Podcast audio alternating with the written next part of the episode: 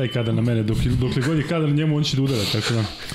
Dobrodošli u 184. izdanje podcasta sa Lukom i Kuzmom. Nismo končno sami, imamo gosta, iako jedno vreme smo, znamo da volite kada mi pričamo i mi volimo kada pričamo i kada pričamo sa vama, ali ćemo danas, odnosno večeras imati gosta, s tim što... Narednih 15 minuta sam, da. jer ipak mi više volimo. ne, u stvari, on će biti tu, ali ćemo mi dalje pričati.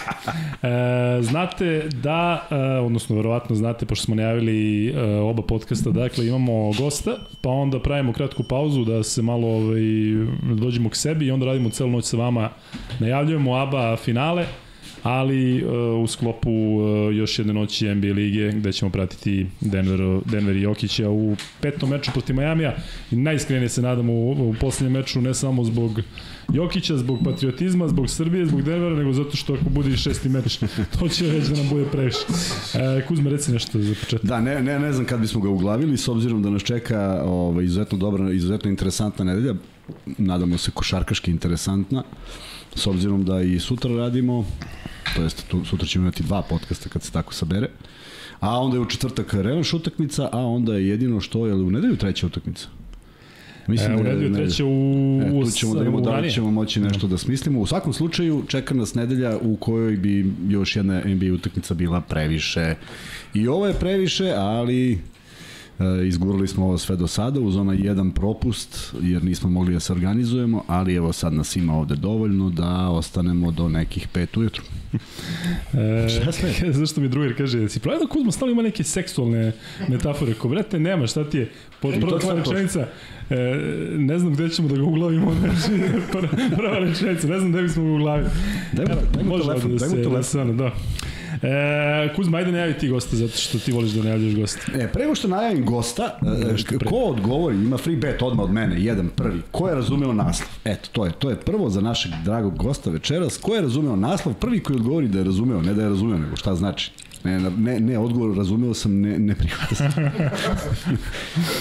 Ovaj, pošto ovde pojedini u studiju nisu to razumeli. Pa čak i još jedan koji je mnogo više trebalo da razume, nije razumeo, naš večerašnji gost Stefan Pen. Stefane, dobrodošao.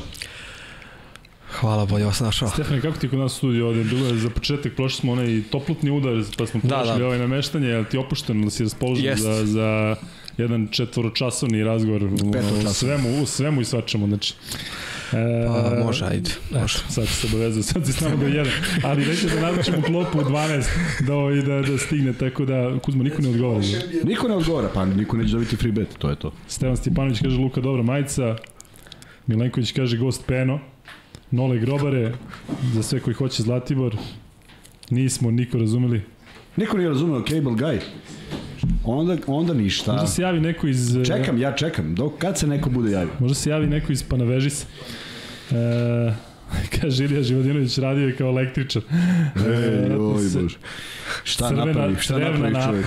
Crvena napast. Evo ništa. tačno znam. Pazi, zbog filma Cable Guy. Zamisli ti, zamisli ti čoveče, neko prevede taj film Crvena napast. Kakav je to Haos. Sunovrat je. Što pričamo prvih pola sata emisije pa, o, Jim, o tome, o pa onda o tom filmu. Nećemo, pričamo o Penu i pričamo o, sa Stefanom o prapočetku. Dakle, ono što ovaj, malo ljudi zna, to je početak, a ja bi se zakleo da je Beo, Beo Koš. Jest. Kod Gordana Todorovića. Tako je. Ajmo o tom periodu, pošto ovaj, e, nije mnogo talentovane dece, tako talentovane bilo u Beo Košu, prosto ovaj, dešavalo se sporadično, ali ti si neko ko je možda iz tog nekog okruženja sa tim trenerima i napravio najviše.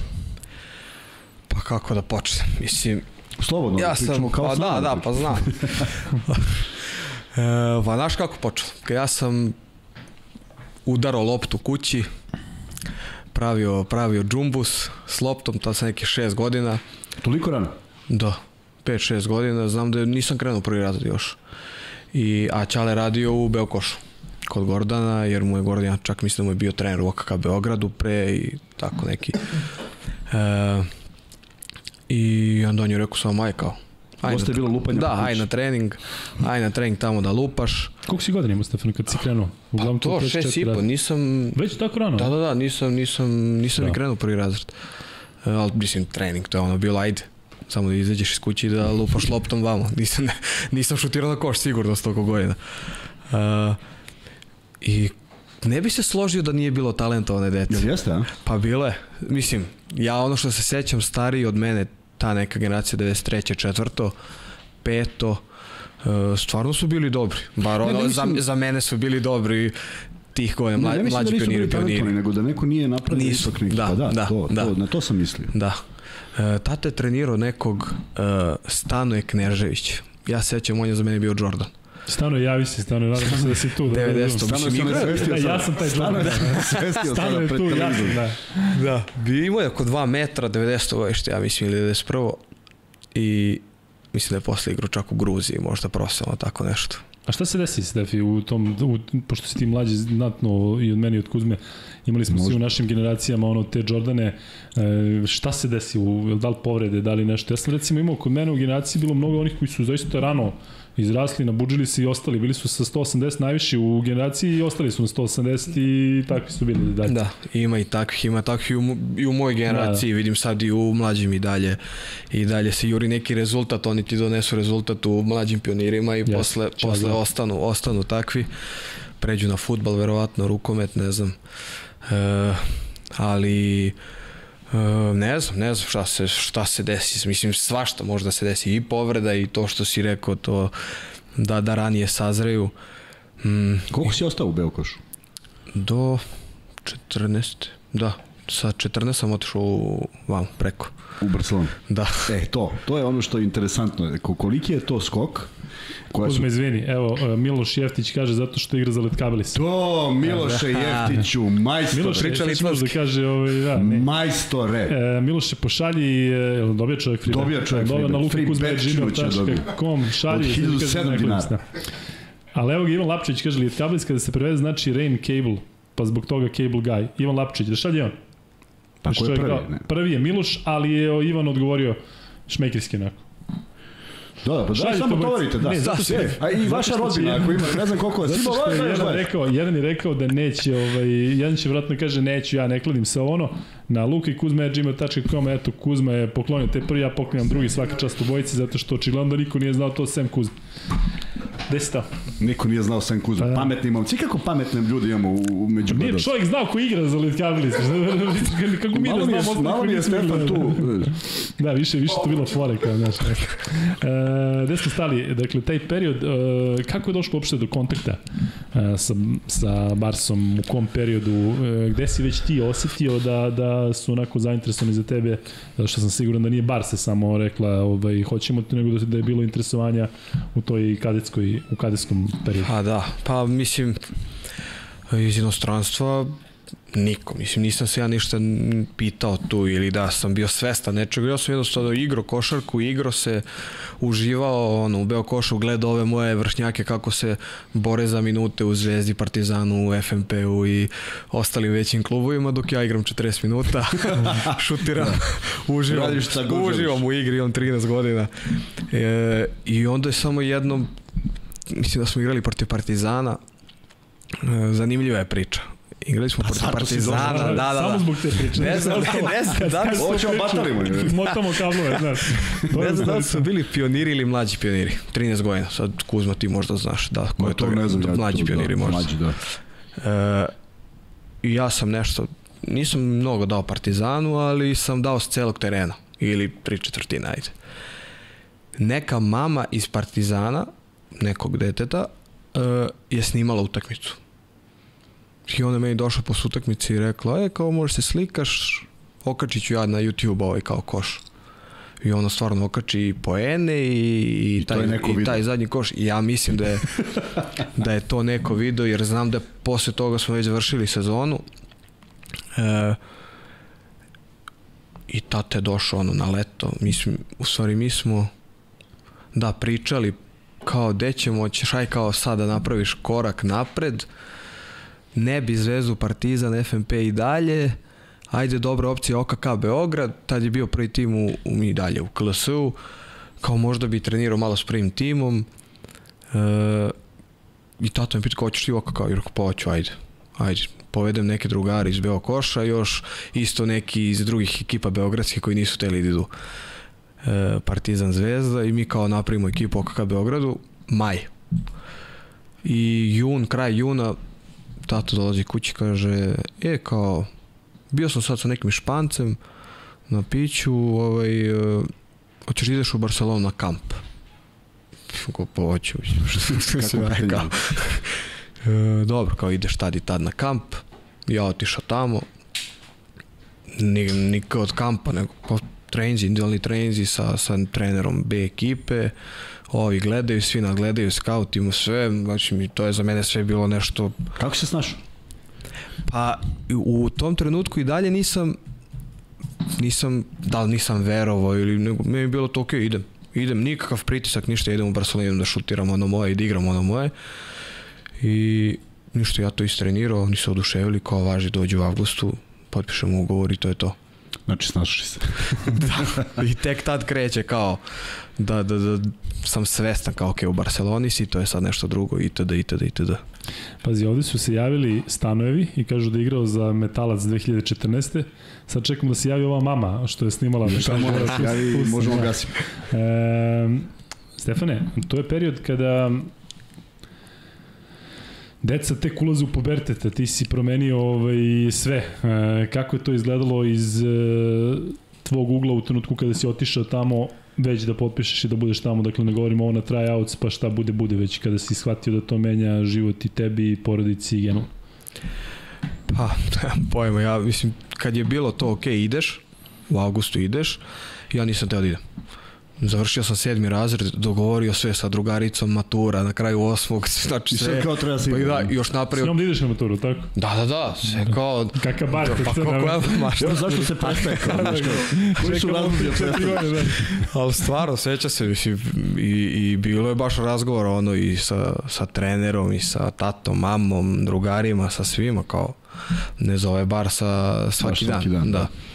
I eto, tako, odlučio. Kakav je bio sistem za jednog momka tako mladog kada si uletao u sve to, ipak iz uh, uz dužno poštovanje i Beo Koš i OKK ipak je mnogo ovaj, da, da, ozbiljnije sve, dakle sistem. sve je drugačije i, i kako si se ti navikao u tom prvom periodu, bilo kada si otišao tamo neke želje da se opet vratiš ili da nešto menjaš ili si onako e, pa, pa, pa, bilo je, bilo je, u početku je bilo. E, prvo, dođeš tamo, nisi ti jedini sa strane tu je i šveđanin, tu je i ova i ona i afrikanac i svi hoće da dođu do prvog tima i svi već sa tih 14-15 to nije više ono igranje to je samo igra, nego već je i individualni treninzi i sve nekako se ulazi u neki profesionalni svet. E, suviše mnogo, rano. Suviše rano, po mom mišljenju suviše rano, to nisam znao tad, da sam znao možda bi i ostao na maturi, mhm. ne znam, ali, tako je, tako ali da, iz ovog ugla sad uh, suviše rano ali opet eto, naučiš, e, naučiš da se ponašaš kao, pro, kao profesionalac dosta ranije, sazriš dosta ranije. E, I ne znam šta si me još pitao. ne, generalno ti, ajde malo da se vratimo na to, zaista je kao i danas i u Realu i u, u Barsi, to su talentovni klinici celog sveta, ali tako? Da. Kako je konkurencija u smislu, je li bilo onako i nekih prljih poteza, je li bilo nekih, ili su te se svi pa... odmah izgotivili? I ako možda nabrojiš iz te generacije u kojoj si ti bio, znamo koja su sva imena prošla kroz, kroz Barsu, i Eriksson, i Vezenkov, i Hezonja, i IHH Jest. igrača, ali je, u toj tvojoj generaciji je bio neko... U mojoj je Lude Hakanson, što igra za glavni igrač Švedske sad. Da, bil, u Bilbao ima strašnu sezonu. Uh, mi smo sleteli istog dana, s njim sam super, u super odnosima od tog dana do, do danas. Uh, pa ima Španac, Mar Garcia, bio, mislim igra ACB, šuter, skorer. Uh, Od ovih momaka visokih iz Afrike, je bilo ovih? E, ne. bila ta generacija. Bi, e, igra igra drugu špansku sada, Dijanj, mislim, da, uzo, je, bio... uzo je u Euroligu tada, ono 98. Yes. godište. To beše od dvojice Burazera ili, ili je sam? E, nije, sam. sam Tamo sam, su Dijanj, da. svaki drugi je Dijanj. Da, da. da. Možda i jesu Jedan od tih Dijanja. Da. ne zaboravim ove naše, mislim, stvarno je bilo dosta naših. E, Đedovićev, mlađi, mlađi brat, koji igra sad drugu, drugu špansku ligu već dugi niz godina i tamo su onako tamo već je veteran druge, druge španske, e, Draš, Milovan Drašković, e, Crnogorac, pretalentovan, centar 2.15, bekovska tehnika. I? Nije bilo mislim, sveći. igra, igra. Da, da. Ušao, je, ušao u prvu grčku ligu sad, uh, mislim, igra. Nije, nije u prvom timu Barcelone, ali da, da, da. bavi se košarkom, igra. Uh, Sulejmanović, iz Tenerife, Bilbao, sad opet uh, da ne zaboravim nekog sad, da se ne naljute. Pa je posle došao Luka Šamanić, on je bio godinu dana, možda dve. NBA. Hezonja, ajde, ali Hezonja nije bio u, mla, u mlađoj kategoriji, da. on je odmah došao za B tim i sa prvim timom da igra. Erikson je prošao, ja mislim, juniors, samo juniore. Uh, Vezenkov nije. Vezenkov je bio registrovan nešto za B ekipu, ali nije, nije igrao, bio sve sa prvim timom. I ima dosta, dosta još Koliko si godina bio tamo sve ukupno? Šest. Šest godina? Šest. Znači od sedmog razreda pa nadalje? Uh, da. A ajde sada kada već pominješ toliko puta ta Leboro liga se zove, ta da, druga, da, tako. da, da. To je mnogo jaka liga, ljudi ne sveti. E, jel si ti zakačio u tom periodu? Kom je bio trener? Laković bio tada u... E, Laković je bio saigrač jedne godine i sledeće je bio pomoćnik. Jel tako? Da. da. Ali tu zaista su ozbiljne imena. Samo onako Jesu. liga nije onako u prvom planu, ali, Da. ali ozbiljni igrači igraju i igra se na ozbiljnom nivou. A Ma- posebno ima onako što se kaže je za, za mlade prava prilika. Da, da, kaže. me, e, mešavina mladih, gladnih mladih igrača koji hoće da napre taj korak da e, iz juniora u senjorsko pa ACB i mešavina matoraca. 40 godina on daje 30. I Bez mo- problema, da. da, A bez problema. nepoznata, Nije to nije igrao nešto na tom Ne, ne, on ode u ACB jednu godinu, Da. da. ne može, vrati se i Trpa, proba, da. proba jednu godinu i onda opet da 30 i kao traži ga ACB, on kao ne, ne, probao sam, ne mogu i stvarno i dan danas igraju neki protiv kojih sam igrao, mislim svakim čast, ono, i zato, zato je teška liga. Imaš ove mi mladi koji se borimo, koji grizemo, koji igramo 100% i ovi koji te vaćare. Pa da, Ono. naravno. Pa vrlo nešto slično toj prvoj B ligi. Mislim, neću da upoređujem kvalitet, nego hoću da. kažem da e, nisi, ne znam koliko si gledao podcaste, pa sam pričao jednu anegdotu u, u kupu Belgije. Ako si u drugom rangu, onda imaš 20-0, vodiš na početku A kupu. slušao sam to, da, ali ja ne verujem u to. To stvarno tako. Da, da, stvarno tako. Nisam Ne, ali Kako mu ne verujem, znaš, i nema informacija ni na internetu. I bio sam, bio sam u potpunom šoku, mislio da ne radi semafor. I mi smo naravno to prešišali, ali sam onda zamislio ono vreme kome bi ti to mogao da daš 20 razlike na tom nivou? Eto, te ekipe, te ekipe da znaju da igraju, teško bi ti mogao da računaš da ćeš da ga Da. Da, da, prebaciš da, na ne. 20, tako da upravo... o Simo, tome- da, ozbiljne su, ozbiljne su ekipe i ti igrači stvarno. Sećam se, imao sam trenera, on je dve godine bio, e, Alfred Žulbe. On je možda u top 5, top 10 e, trenera sa najviše utakmice ili pobeda u ACB-u. Ali je malo, malo je lud. Ali, I zato ga niko ne uzima u ACB-u. Malo je lud, pa kao uzela ga Barsa B da iz Meksika ga doveli. Kao aj vrati se sa klincima da radiš. I on je tu prelomio kao, ok, ako klinci hoće da napreduju, moraju da imaju neku neku mnogo veću figuru koju će da poštuju. Mi smo do tada imali uvek neke veterane tog tipa Leb Oro, Leb Plata, koji znaju ligu, ali mi smo ih pocenjivali, ajde da kažem. I onda on rekao, ne, ne mora. I onda je te godine bio Jaka, Luboš Barton, koji su nas postrojili, to su bili sastama, to je bilo, pa šta ti misliš ko si imaš 18 godina, pa kao, pa znaš, znaš gde si, znaš gde trebaš da, i tako dalje, i tako dalje. Verovatno, verovatno u malo drugačijem tonu nego u konferenciji. da, da. Da. Posebno znajući Bartona i onako kako je Da, sa... on, on, je, on je bio baš zajeban. On je bio baš zajeban. Pa na kraju to e, iz ovog ugla sada, to gledaš kao dobro ili kao loše? Kao Kada dobro. dođe ja teren mislim, koji, koji e, dođe do pa... tad, do tad taj, bez tog trenera i bez tih igrača, to je bio vrtić.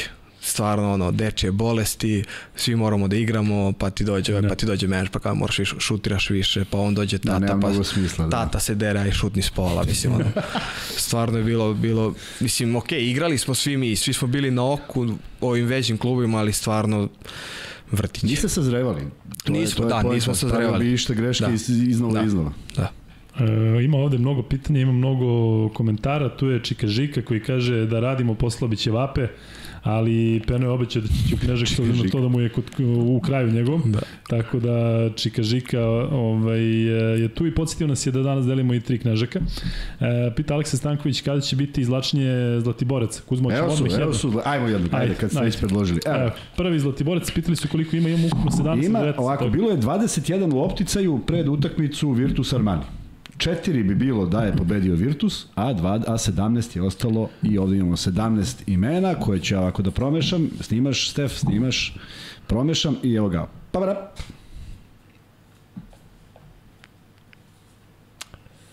Ostojić Pandurević. Tako piše. Možda žensko, samo ono i devoječko i... Ostojić Jel- jel Pandurević. Jel, jel se vidi tamo? E, Dobro, vidi se dovoljno. Ali nadam se da mi verujete. Dakle, Ostojic, Pandurevic, gmail.com. Evo sad će Srki to manuelno. Evo ga. Evo ga. E, e, e, e. Dobre, vidi se. Dobre, vidi se. Vidi se, vidi se toliko da znaju da ne lažem. Evo. To je on. Ostojić Pandurović... E, Majki nam piše tako. Neka šalje na luka i kuzma.gmail.com samo nek naglasi da je za Zlatibor. Što da šalje nam? A da, ne, ne šalje ništa. Šalje, Galens će nemoj molim te, toliko ima mailova, nemoj šalješ ništa. Toliko nagrada imamo da ono, više ne znam ko šta šalje. Galens će, naši drugari iz Galensa će obavestiti, tako da to je što se tiče prvog Čestitamo. Zlatibora. I čestamo naravno i imaćemo još dva. Tu i Velja Stupar koji donira i kaže se ženje videti još nekog u studiju. Hvala Veljo, nadam se da se tu negde krije kompliment. Da, Ali, ovaj, do, dosadno. Da, Hvala Veljo. Dosadni ste baš. Hvala ti Veljo. E, Stefan, ima mnogo pitanja, ali ajde prvo ova koja, koja će promaći, evo svi ovde, mislim se, kažu da te viđu na Mirjevu. Svi. Pitaju, voziš Renault? Ne.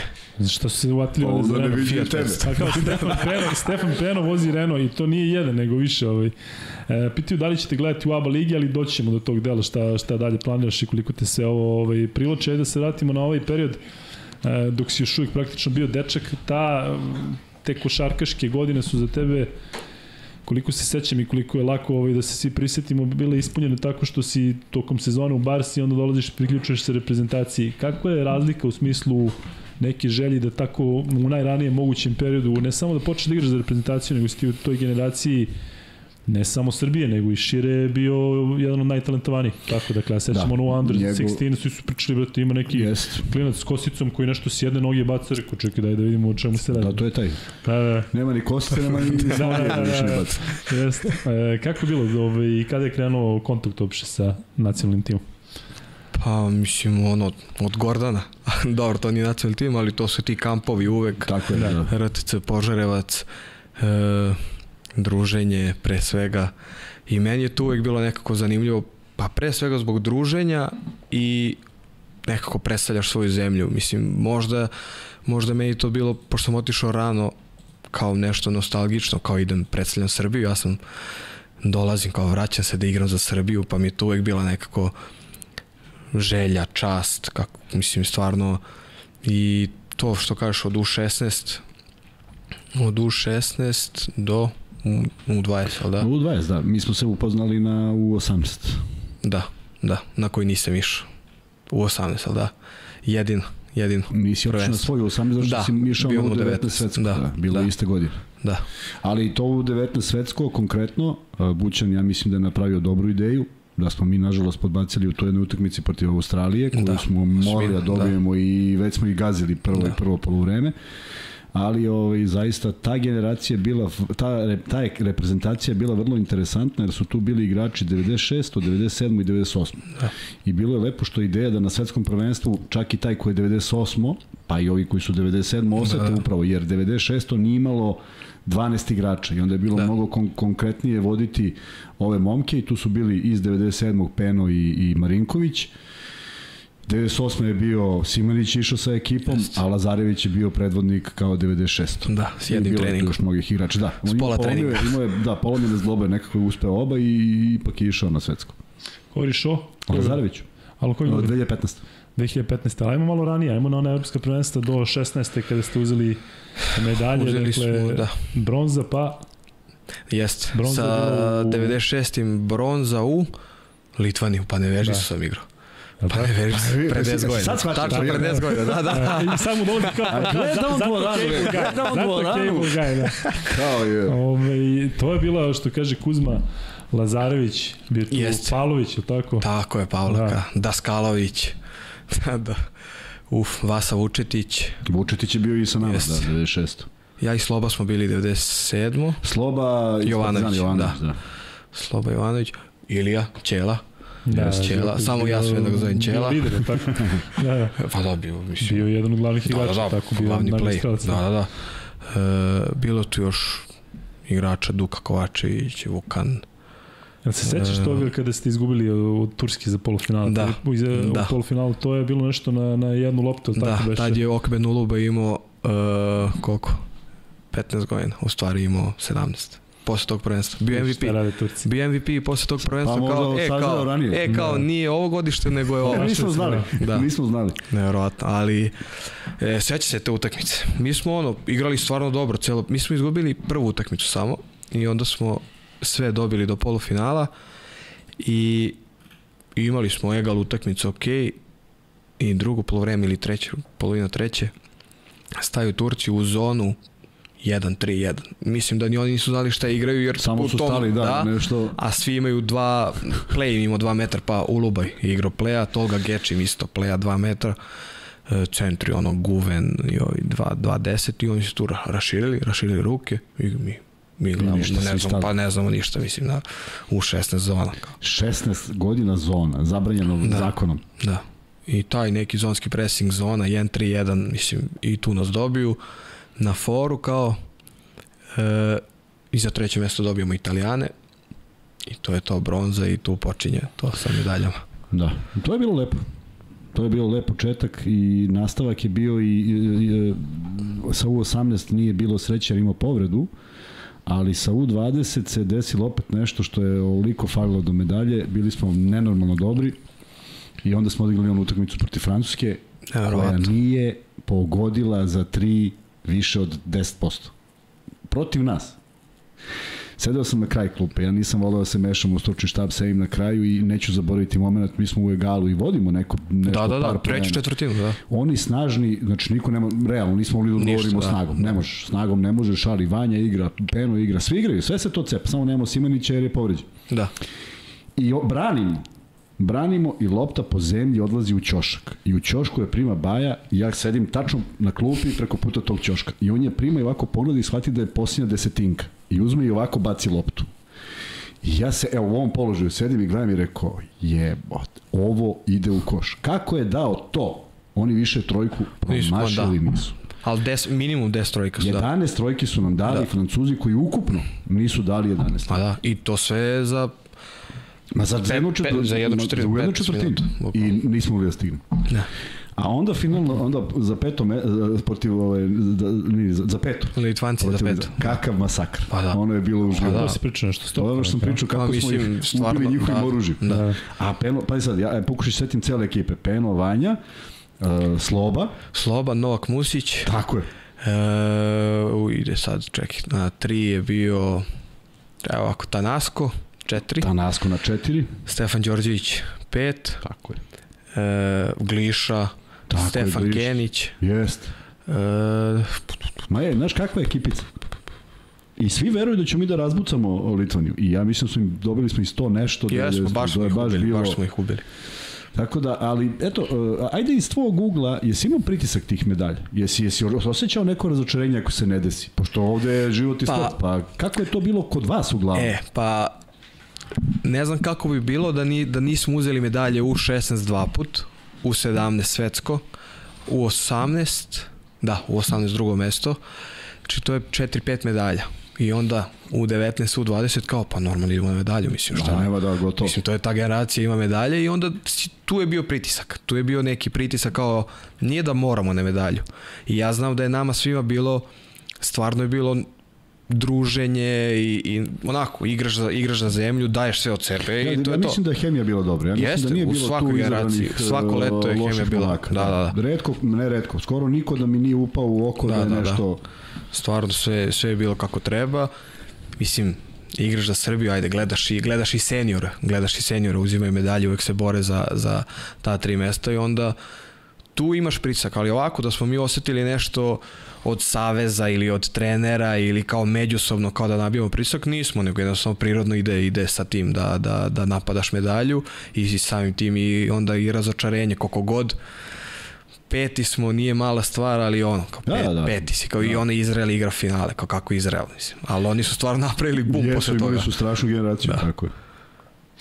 Ima ovde zaista mnogo pitanja, ima nekih sektora koje ćemo tek morati da prođemo, ali evo ono što bismo mogli sada odmah, to je, kažu ovde, molim vas, poseban segment o AIT-u. Um, Stefane, kakav je bio odnos sa, sa AIT-om? E, I on nekako se uklapao u to da ste obojice, naravno, mislim ti u Španiji kao igrač razumeo neku tu njegovu filozofiju, pa ste onda obojica prešli u Albu, je to, mislim, obojice u Albi sarađivali, kako je bilo sa njim? Bilo je super, bilo je pa iskustvo jedno jedno od rekih iskustva koje sam koje sam doživeo da, da radim sa takim sa takvim trenerom koji toliko strpljenja ima za, za sve. Mislim, nije bitno što smo došli svi, pola ekipe došli iz, iz, iz Španije ili imalo veze sa, sa, sa Španijom, e, kad je on došao i kad je došao Imaro Heda, direktor, e, ne znam, to, to stvarno, on je tad imao već 73-4 godine.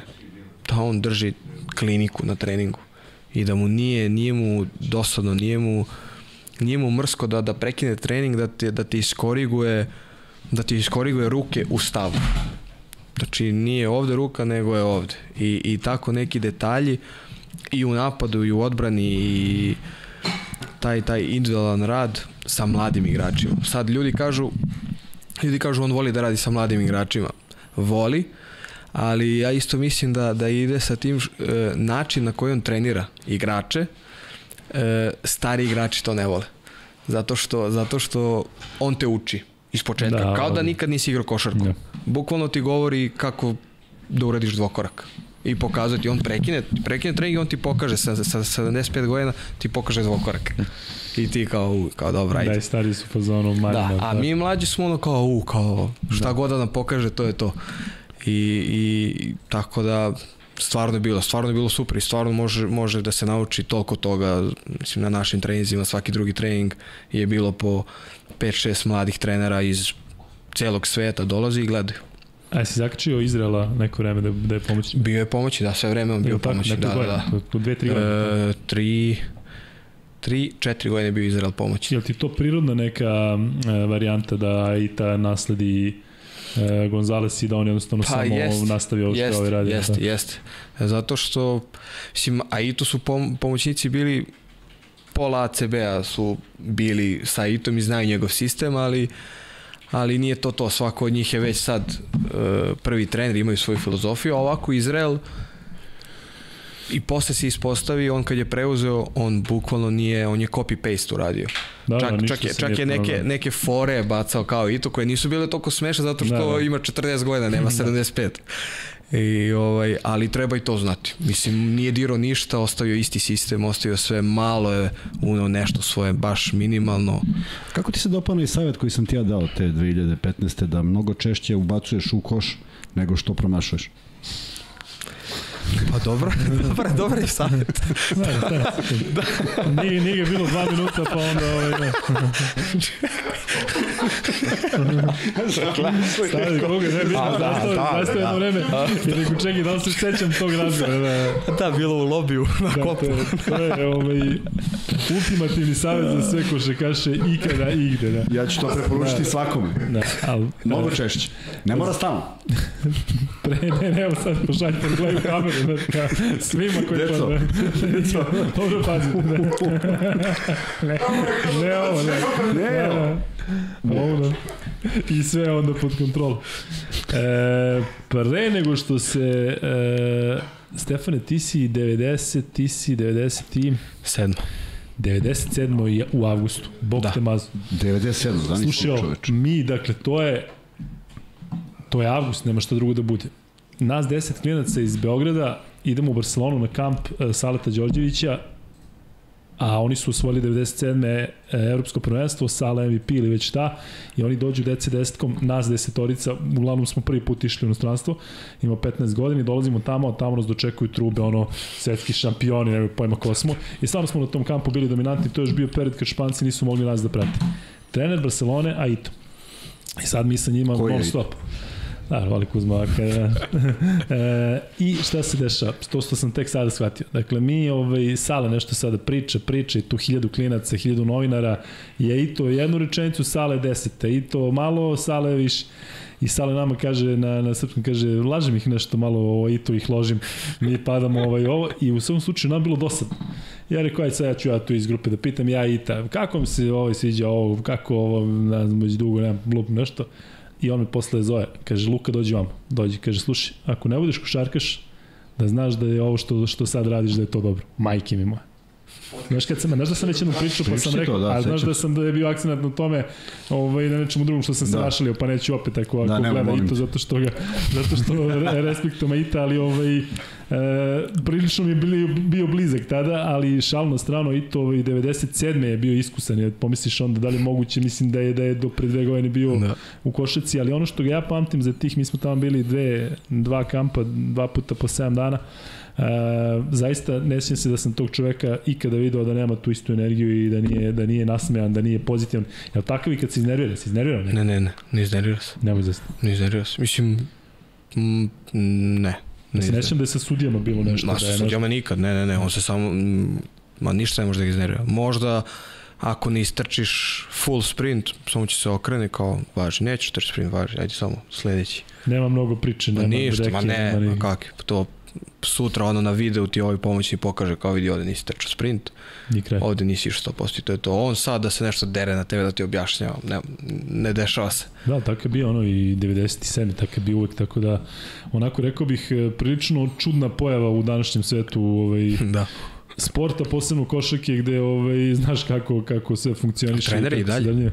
Bio u Gironi i čuli smo se, ni neće više e, da rastali su se I su bili Gironi ove sezone? Da, Nema koga sola, da. Sa da, Markom i sa, da, da, da. sa I to Rokom. Sam, da, i to sam da. čuo da, da, da su ovi malo Pošibali. Mark, ne, Mark Kino Kolom i ovi starije bile je malo kao, kao došao, došao je da nas, da nas uči kao košarku.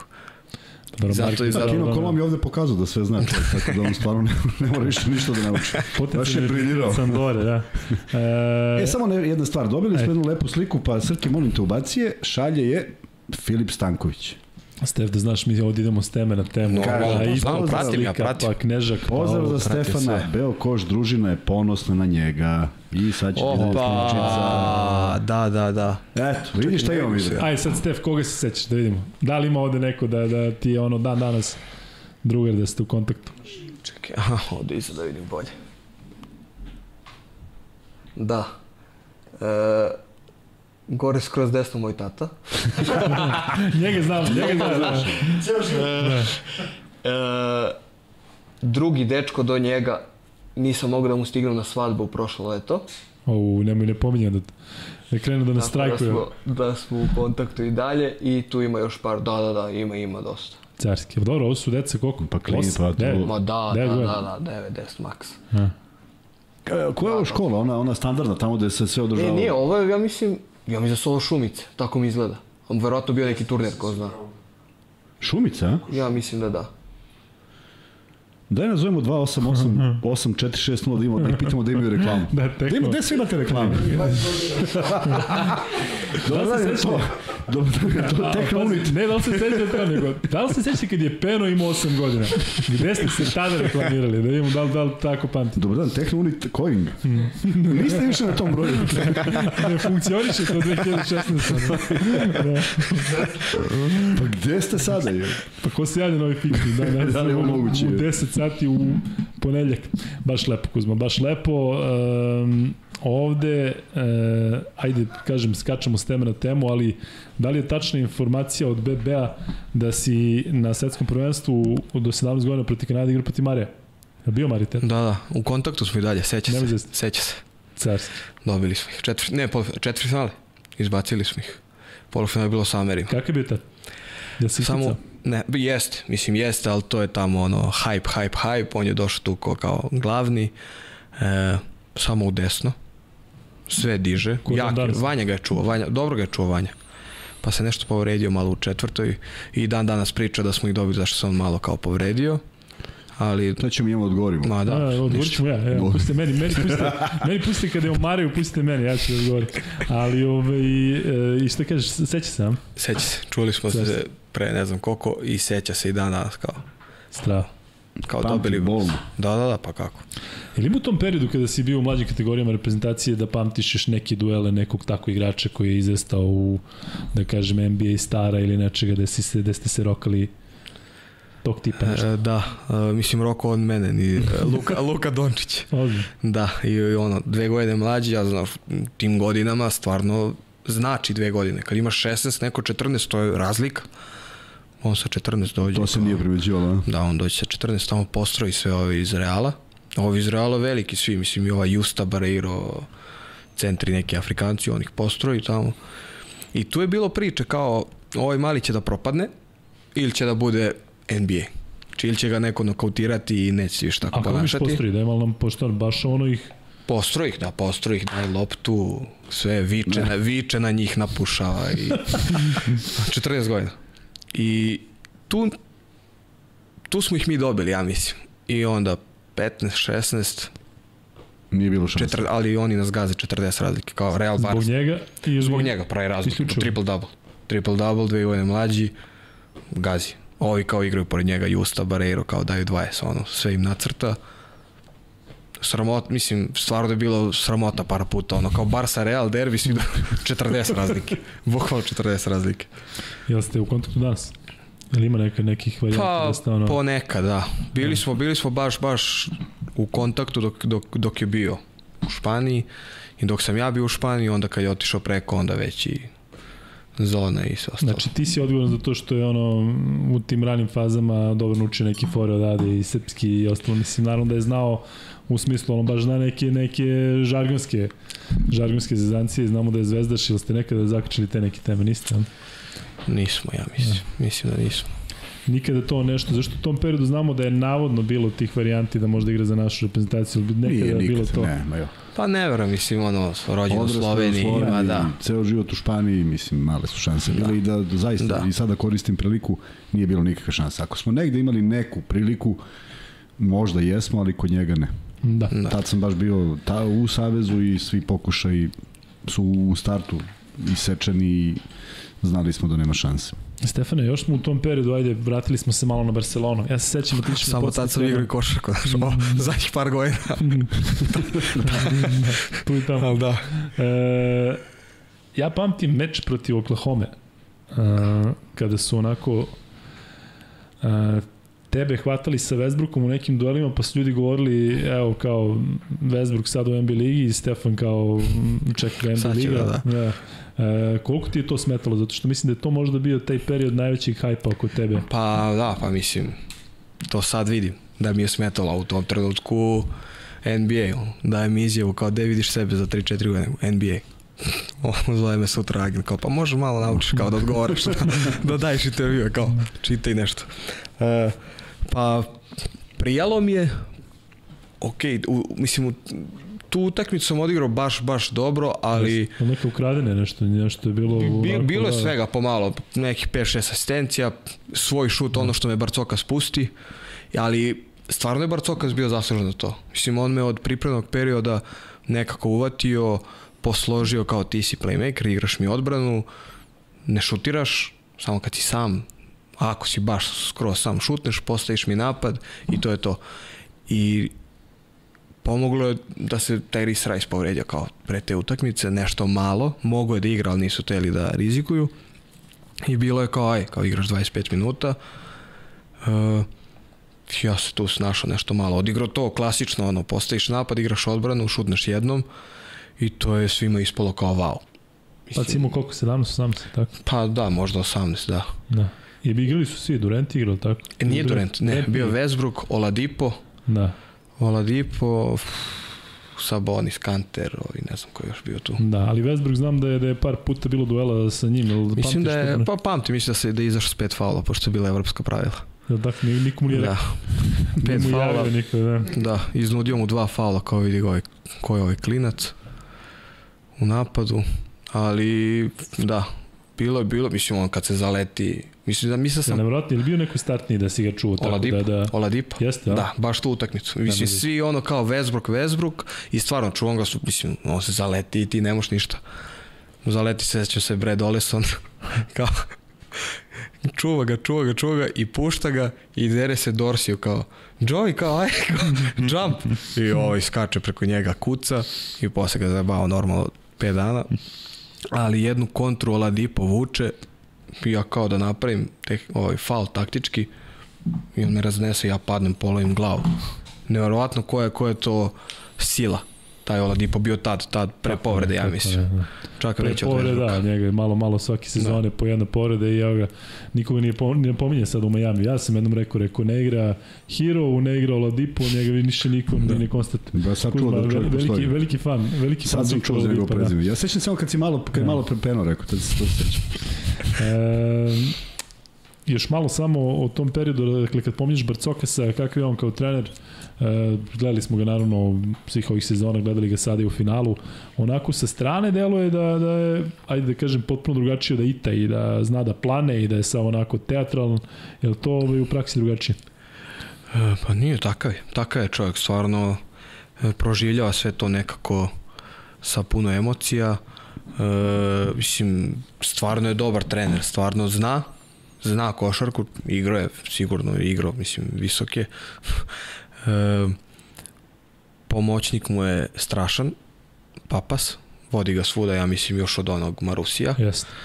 E, tako da njih dvojica su stvarno, stvarno ozbiljni treneri, ozbiljni taktičari, e, zna se ko šta radi u ekipi, e, baš, baš dobro raspoređene uloge, sistem je stvarno ono da se da se deli lopta kao što smo videli sad Olimpijakos i meni je žao što što nije izdržao, što nije preživeo tu prvu godinu u Barceloni da su svi očekivali kao ajde uz, uzimaju Euroligu gde on nije mogao da dovede pojačanje koje on hteo. Nešto je bilo, ne znam ja šta, nisu se dogovorili. Hanga tipa mu je bio dao bi 15 miliona Hangi, oni nisu mogli. Dali, dali mu otkaz različili, sledeći on je Hanga u Barsi Da, to je bilo nešto petljanje futbal, nešto trade. Pa verovatno, sigurno, da, da, da. Tako da to mi je žao, mislim da, da, da je preživao tu prvu godinu, da, da je ostao još da bi napravio svoj sistem tu i da bi mogao da, da napravi nešto veliko s Barsom, sigurno. Ja, pominjali smo Jaku i kažu ovde, ne znam da si vidio da Gran Canaria odustaje od Euroligi. Da, da. Tako da mislim da sad još sigurnije da Zvezda i Partizan igraju, ali dobro, nije to sada tema. E, pitaju ovde, odnosno pita naš top, a, koliko igrači B tima imaju kontakt sa timom, pogotovo u Barceloni? Pripremni, pripremni period ceo. E, većina igrača, ovi kao perspektivni. E, A koliko inače ima na pripremu? Govorimo, znači 25-30 igrača na pripremu, tako? Ma manje, manje. Ima manje. oko 20-ak. Pa da, ajde još tad tad, tad nije bilo ovo rosteri od 15 ekipa, bilo da. ovo 15 igrača, 12-13 igrača i nas 6, 7, 8 mlađih. E, mislim dobro da ovaj kad odu na prvenstvo i to da, onda da, da bude, onda bude 15 ovih iz B i 3 3 seniora i ostanemo, stvarno ostanemo dug period, nekad čak i do početka sezone, pa se skidaš u početku uh, u toku sezone te zovu na, na treninge kad, kad je neko povređen, kad fali, kad, kad trebaju tri petorke i to. Tako da bilo je, ok, veza je bliska, tu si. Tu si, uvek si nekako na stand-by-u, dešavalo se ono, ulaziš na trening, bar se B, ulaziš na trening B tima i trener te samo kao, e, kao, sad su zvali, ajde, u, bla, u Blaugranu ideš da. tamo na trening, požuri, čekate taksi i bilo i toga, tako da... Znači, dobar sistem, nije, nije prodaja neka magle, nego jednostavno uvezano koliko je pa to da, moguće. ali mislim, ne, ne, mislim, ne, da, ali teško je da, da, da ostane. Mislim, Naravno, da. Redko. Ali može da se desi? Kako je bilo preregistracija? To onda, je si ti faktički deo tima? Ne, ti si, ti si registrovan kao B.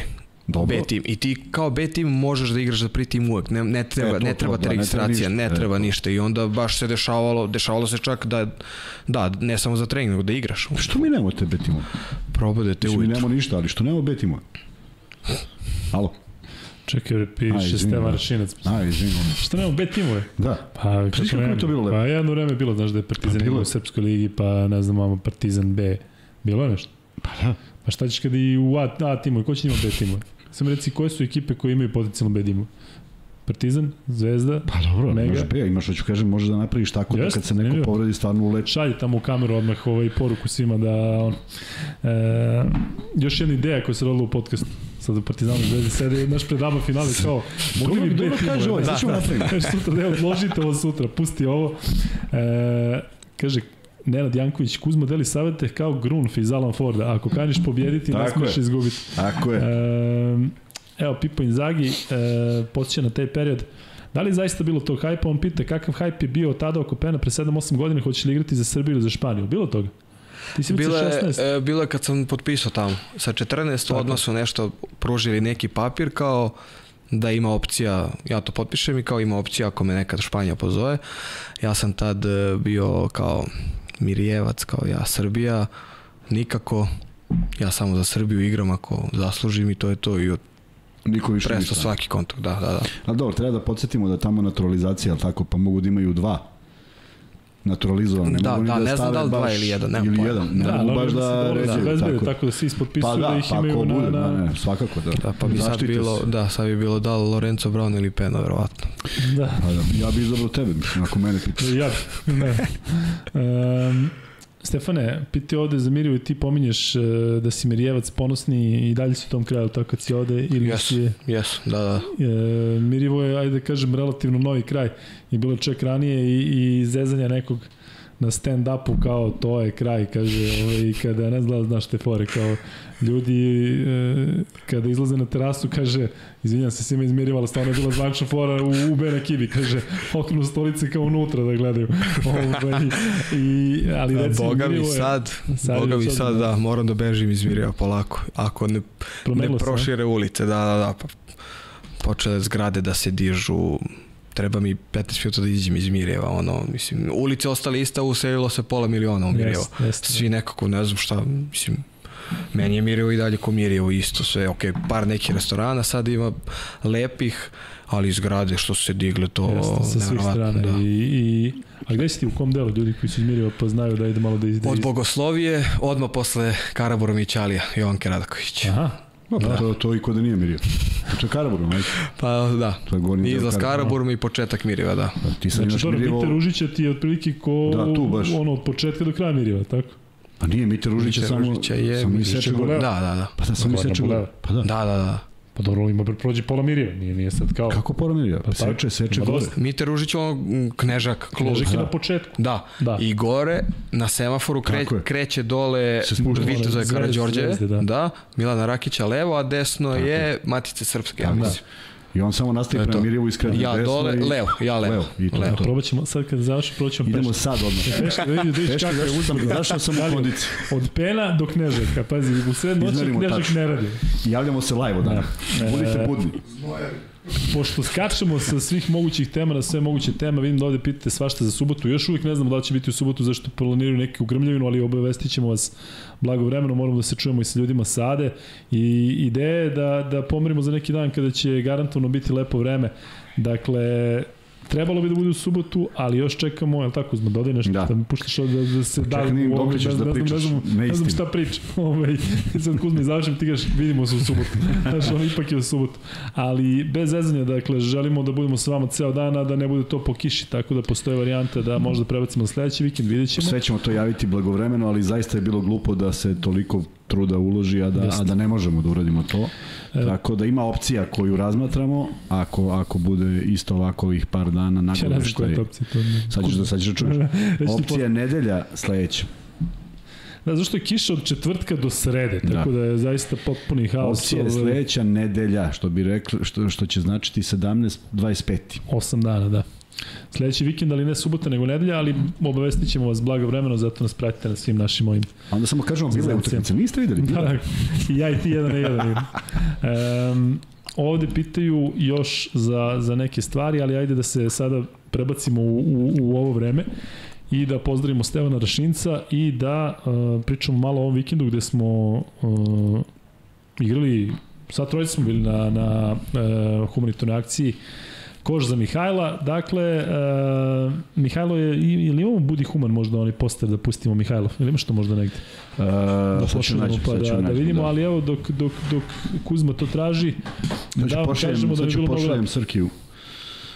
Dakle, uh, ukratko, to je amaterska liga Srbije koja, koja se igra kao što se obično igra i onda Stevan, Stevan Šinac koji je tu uh, glavni pokušao da ubaci kao što mi ovde radimo što više nekih humanitarnih akcija i ove godine bilo u Slodesu i to ceo vikend, prošle godine bilo u balonu Sava, uh, bilo je jako interesantno, prvo polufinale, mi smo morali, još uvijek ne smo da kažemo iz kojih razloga smo morali da napustimo. Ne, ne, govorimo, ne govorimo. Da, ne smo još, tek ćemo za jedno 7-8 dana reći, ima, ima razloga, ali ovaj, uh, mi smo učestvovali u toj utakmici revijalnoj, u tom nekom All-Staru, gde je bio i Stefan. Stefane, znam, nije, nije moje da ti zahvaljujem, ali evo iz ovog našeg ula hvala ti zaista što si učestvovao u celoj toj priči, zato što si doprineo doprineo ozbiljno, bile su neke devojke iz Survivora, ja ne bih smeo da garantujem kako se zovu, ali Kudma će nam reći. Da, hoće sigurno. Jedna je Sanja. Nisam ne, jedna je Anja, e, Stejan će nam ovaj postati to sigurno. Tako da, uh, u svakom slučaju nadamo se da će Mihajlu pomoći. Sada da Kuzma traži ovaj poster, da kažemo da je to dečkić uh, koji već godinama muči muku sa zdravljem, sa bolešću i da mora hitno da se, da se odreaguje zbog tog nekog leka koji je ultra skup. Yes. Reći o tome da, da je prošle godine bilo hitno, možete misliti koliko je sada ove godine hitno, dakle njegovo stanje se, koliko razumem i koliko nam je Stevan objasnio, objasnio sve više pogoršao, tako da ako možete pomozite, znate za onu varijantu da ako nama ubacite na Paypal i pišete da je za Stevana, da to sutra odmah uzma ovaj, skida sa računa i šalje direktno, direktno gde treba ali ova budi human varijanta sa 200 dinara koliko ostaje jedna poruka mislim da je možda ljudima i najizvodljivija. Svakako najjednostavnije da. Ja se izvinjam, tražim sad taj post. Ne, evo može da, da nam kaže Stefan kako je bilo Stefane igrati sa uh, amaterima i sa džedovima poput nas. Bilo je dobro, bilo dobro, zanimljivo. Ja, da. Pa da, ja završio pre dva meseca sezonu, tako da bi da, bilo... Da, prijelo, uželao da. se, prijelo mi, prijelo mi. da, ima neka mi Šteta što nisam Šteta što nisam, ovaj, što sam odigrao samo koliko? 45 sekundi sa Kuzmom. Mislio sam da ću igrati malo to, više. To, da, da, to je, to je trenutno zabranjeno. Teška je to da, to je teška, teška ovaj varijanta, ali eto, mi smo počeli i nismo završili. Stevan razume, Stevan je hvala, vidim da napisao mi je da je neku zahvalnicu ovaj napravio za nas, tako da u svakom slučaju Kuzma, tvoje iskustva kao neko ko, ko je igrao All-Star meče pre 40 godina. Pre, kako pre 50, to nemoj tako. Kako to izgledalo sada? O, ne, stvarno, dugo sam pauzirao, i, ovaj, a uvek se odazivam na ovakve manifestacije i pogotovo kad eto, imam nekoga a, s kojim mogu da delim terena da je to bilo nekako ne, nemoguće da se desi. I onda mi je baš bilo drago kad sam čuo da Stefan dolazi, bili smo i u Šarenici zajedno i najavili turnir i sve mi je onako bilo super. I otvario, otvorio sam utakmicu, vodili smo 3-0. Nadam se da će da postoji negde snimak. Ima, ima, je snimak, poslali su mi link. Čuj da li ima, pa ima to je već snimak, najgledanije. Ali ima snimak celog dana. Znači, to ne valja, tipa ono, to ne valja. I zagrevanje. I, I ja kad sam krenuo na zakucavanje, na zagrevanje, u, u, u nameri, ono, da pipnem obruče da se ne polomi. Baš tad je nestalo. E tad, ovaj, iz drona sklanja. A ja ono čekam, vrtim, da ovaj, vidim. Isići tako da... ću ja negde tu trojku. Da. To evo je, ovde, je Srke skinu, evo, evo, evo, evo to je Ovo, za Mihajlo. Mihajlo, mom, dečkić koji, koji je bio u dvorani Jest. i molim vas, ako možete pomozite, evo ja ću da možemo svi bar po jednu poruku, tako da 11.03 na 30.30 e, kao i uvijek imate sve varijante plaćanja, dinarski devizni račun sa ovim IBAN i svi brojevima, dakle još jedna akcija u koju smo ba, zaista bili uključeni i kažem, meni neko moram priznati, bilo i, i žao Stevana u nekoliko navrata, zato što vidim da je njegova želja ogromna da se ode pomogne, a čini mi se da on ne može da pomogne na sve načine onoliko koliko želi. Tokom ovog vikenda bilo je prodaje e, tih nekih artikala gde je naravno ceo fond išao upravo za za Mihajla i eto, možda će nam Stevani napisati kako je kada se podvuče crta prošla ta akcija taj vikend. Mi se izvinjavamo zato što nismo učestvovali u drugom danu, ali e, zna Stevan iz apsolutno opravdanih opravdanih razloga. U svakom slučaju nadamo se da više nećemo da skupljamo da skupljamo novac za Mihajla, već da će, da će to biti e, zaokruženo i da će biti sve kako treba. U svakom slučaju Dečkiću želimo želimo da se što pre i što brže oporavi i da što pre ozdravi. E, imaš nešto da kažeš? Dejan Tomović uplaćuje za Mihajla i šalje na, Deki na Paypal. Hvala. Deki nam je ovde nešto pisali, nemoj zamriti Deki, vidiš koliko ima poruka, koliko ima komentara, pitanja, ne stižemo ne stižemo uh, sve da da ispričamo, ali evo, pita ovde Đorđe Radovanović kako je Stefan podneo rastanak sa najlepšim gradom na svetu. Kada se Ber, iz Berlin ili Barsa? Uh, mislim, mislim, da, mislim da na Bar, da, ovde u Zagrebi je Barsa. Da. Uh, nije mi teško palo, stvarno mi nije teško palo nekako kao da sam bio spreman za neku promenu. Da ti delovalo da si ipak predugo tamo za nekoga koji ipak onako vud, ko je od 14. do 20. godine? Pa da, i to, ta, taj period ono, najlepši kao odrastanja i pubertet i sve i onda kao aj 20 godina pa aj negde, negde drugde, negde dalje Berlin kao dobro, ajde da sam išao u Panevežis pa bi mi možda teže palo, ali Berlin mi nije teško pao isto jedan prelep grad, tako da imao sreću. Uh, ovde pretiz, pa ne veži se ovi što gledaju, kaže, nemoj, nemoj da nam diraš, pa ne veži. Uh, nećemo još doći do tog perioda koji je najskoriji, uh, ajde malo da se zadržimo, zadržimo duže na periodu u Berlinu. Ja sam imao tu uh, situaciju da sam uh, odmah ćemo skočiti na taj derbi koji mislim da je između ostalog obeležio taj tvoj period u Albi, ali ja sam prenosio na sport klubu taj meč kada si se povredio i ti me samo podsjeti uh, protiv koga ste igli. Medi Bayreuth. Medi Bayreuth koji sam ja zvao inače Beirut, pa sam onda pa da. poruku, poruku. Ja sam uvek pitao što se zovu tako. Da, da. Ove, rekom, Beirut, i sećam se, uh, ti ćeš to bolje objasniti ako ti ne bude mučno, Nije. dakle ideš kat uh, kroz reket, ili tako? Jest, kat kroz reket i kao na ofazini skok. Da. Nikad više. I kao, očeko se na levo. Nešto, da, da. Pipno sam ja loptu kao dovatio sam je nešto, ne, izgubio balans u vazduhu, leva noga ostala dole, to jest doskok na levu, desna negde u vazduhu, osjećam kao da me neko šutnu u koleno, padam, gledam dole, čašica skroz levo, imao sam one helanke, pa se kao samo rupa se vidi kao na helanci, čašica sa strane i to je to. Ušao doktor, vratio, to je I to. I kaže nastavi. Pauze. Da, da, da. stvarno rekao, da, on vrati kao ustani. Šta se ustane? I ništa, da. I on je bio, on je bio ubeđen da je ništa. Ništa. Kako da je ništa? Bila pa subota, pa ne znam, pa da li pa malo ispalo pa subota, da, subota cijeno, veče, bilo išlo mu se kući. Da. Išlo mu se kući, bilo 8 uveče subota. Pre, pregled ponedeljak. Meni, ja ne, ne, mogu, ne mogu na oči da gledam. Tek si u ponedeljak pregled? Ne. A. I onda se ja nešto sam se A, izdrao, vrisnuo i on kao, dobro, dobro, ajde, zvaćemo hitno. Ko, ajde. Hitno i odmah sutra, sutra ujutro operacija. Kolika je pauza bila tačno posle toga? Pa zvanično 16 meseci. I to je bio korona turnir, onaj Final Ten Nemačke lige. I to sam odigrao u bablu. To sam odigrao da. onako nekako na silu, da kažem, da bi pokazao kao je, aj kao mogu da igram za ugovor, tad, da. tad mi isto, isticao taj trogodišnji i kao ajde kao igram nešto malo da bi, da bi mogu kao nešto posle da potpišem. Ali šest, Ali, da, šest meseci. To je bila jedina operacija ili posle bila još neka? Jedina. Posle šest meseci je bilo čišćenje, ali dobro, to nije opet, to je ono artroskopija, ali da, kao sve ukupno 16.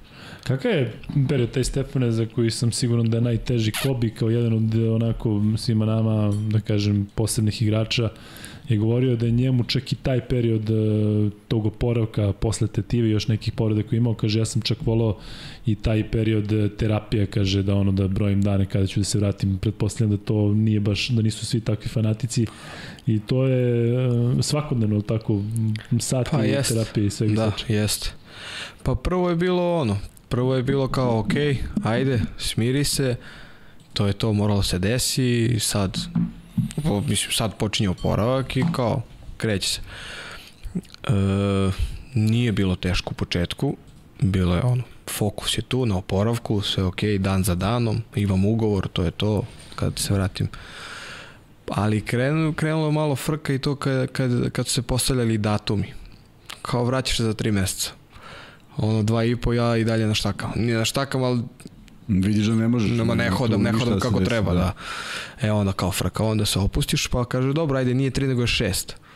Posle šest meseci trebam na artroskopiju da idem, nisam još... Je to isti taj doce što je rekao, to isti taj tip ili, ili Jest. imaš neki isto? Jest. Daj, daj, reci nam ko je, da ovdje da ga da, naši, još u kontaktu naši, više ne vole među nama. Ne vole ga i još neki koji su bili u Berlini ga, ga ne vole. Ne smeš da otkriš. Nema, nećemo, nećemo, ajde. Da. E, I onda, I onda je bilo već posle te druge, posle čišćenja je bilo ok, aj, kad se vratiš, vratiš se, nema više datuma. Svašta tu prolazi kroz glavu i, da, i da li ćeš i, da kad ćeš. i da li ćeš i, i koliko košta trenerska da se upiše i Već sve, pa, sve, pa to, pa još mi je i to prišao. A i tako, ti si play, znaš, pametan znaš, si, pametan da. si, kao sad imaš vremena da upišeš školu. Ja, aj, nema još, ne, da, da, još im na muku. Tamo mislim da sam sa školom završio. Da sad ti da upisujem. Sad mi savjetuješ ti. Kao dobro ti je noga, ali aj razmisli ovo. Da. A dobro, ali, ali lep je moment taj što i to razmišlja tako yes, igračima, pa, šta i kako, jer kapiram da je najdobro namernije moguće, dakle, sigurno, da, da, da, sigurno, malo sigurno. zaokupiš misli i, i ostalo, ali evo, kad već kačiš tu temu, jel prerano je da razmišljaš o tome, ali da li je neka, u nekom trenutku vidiš sebe u ulozi trenera, koliko te privlači taj poziv? E, pa sve vreme me privlačio i privlači mi dalje, ali ne toliko kao kad sam mlađi bio, jer ne znam, nekako sad već ono... Svataš kakvim se ludacima Pa radi. da, da, od prilike, od prilike. I da nekako... Ko koško, ko koško što je Nemoj da dao savjet. Da, da. Daćemo ime još vreme. Ma da, nekako ono... 7-8 godina pa ćemo dati isti taj savjet. Vidim, vidim da ima od više posla. Mislim, ja kao play pa razmišljam za 11 igrača, ali, to jest, da, ajde 11, za ovih četiri na terenu, ali vidim da kao trener, glavni trener, pff, da je to nespavanje i nespavanje i nespavanje i I opet nije to ono, ti si trener pa kao ti biraš gde ćeš. Opet je, opet možda te zadesi jest. ko zna šta, gde, ne dođija neka, pritisak, e, tako da za sad da odigram ovo što mi je ostalo, pa imaš još ne znam. Da, pa posle da toga, pa posle toga. Ali vidi na primjer evo sad u kontekstu ovoga bi prošlo kroz glavu. Jesi pročitao da je Tutti Frutti ili već tako nešto mm -hmm. otišao iz burse? Vidio sam da je otišao u Olimpije. To sam vidio. Gde otišao? Nisam Nije otišao Olimpije.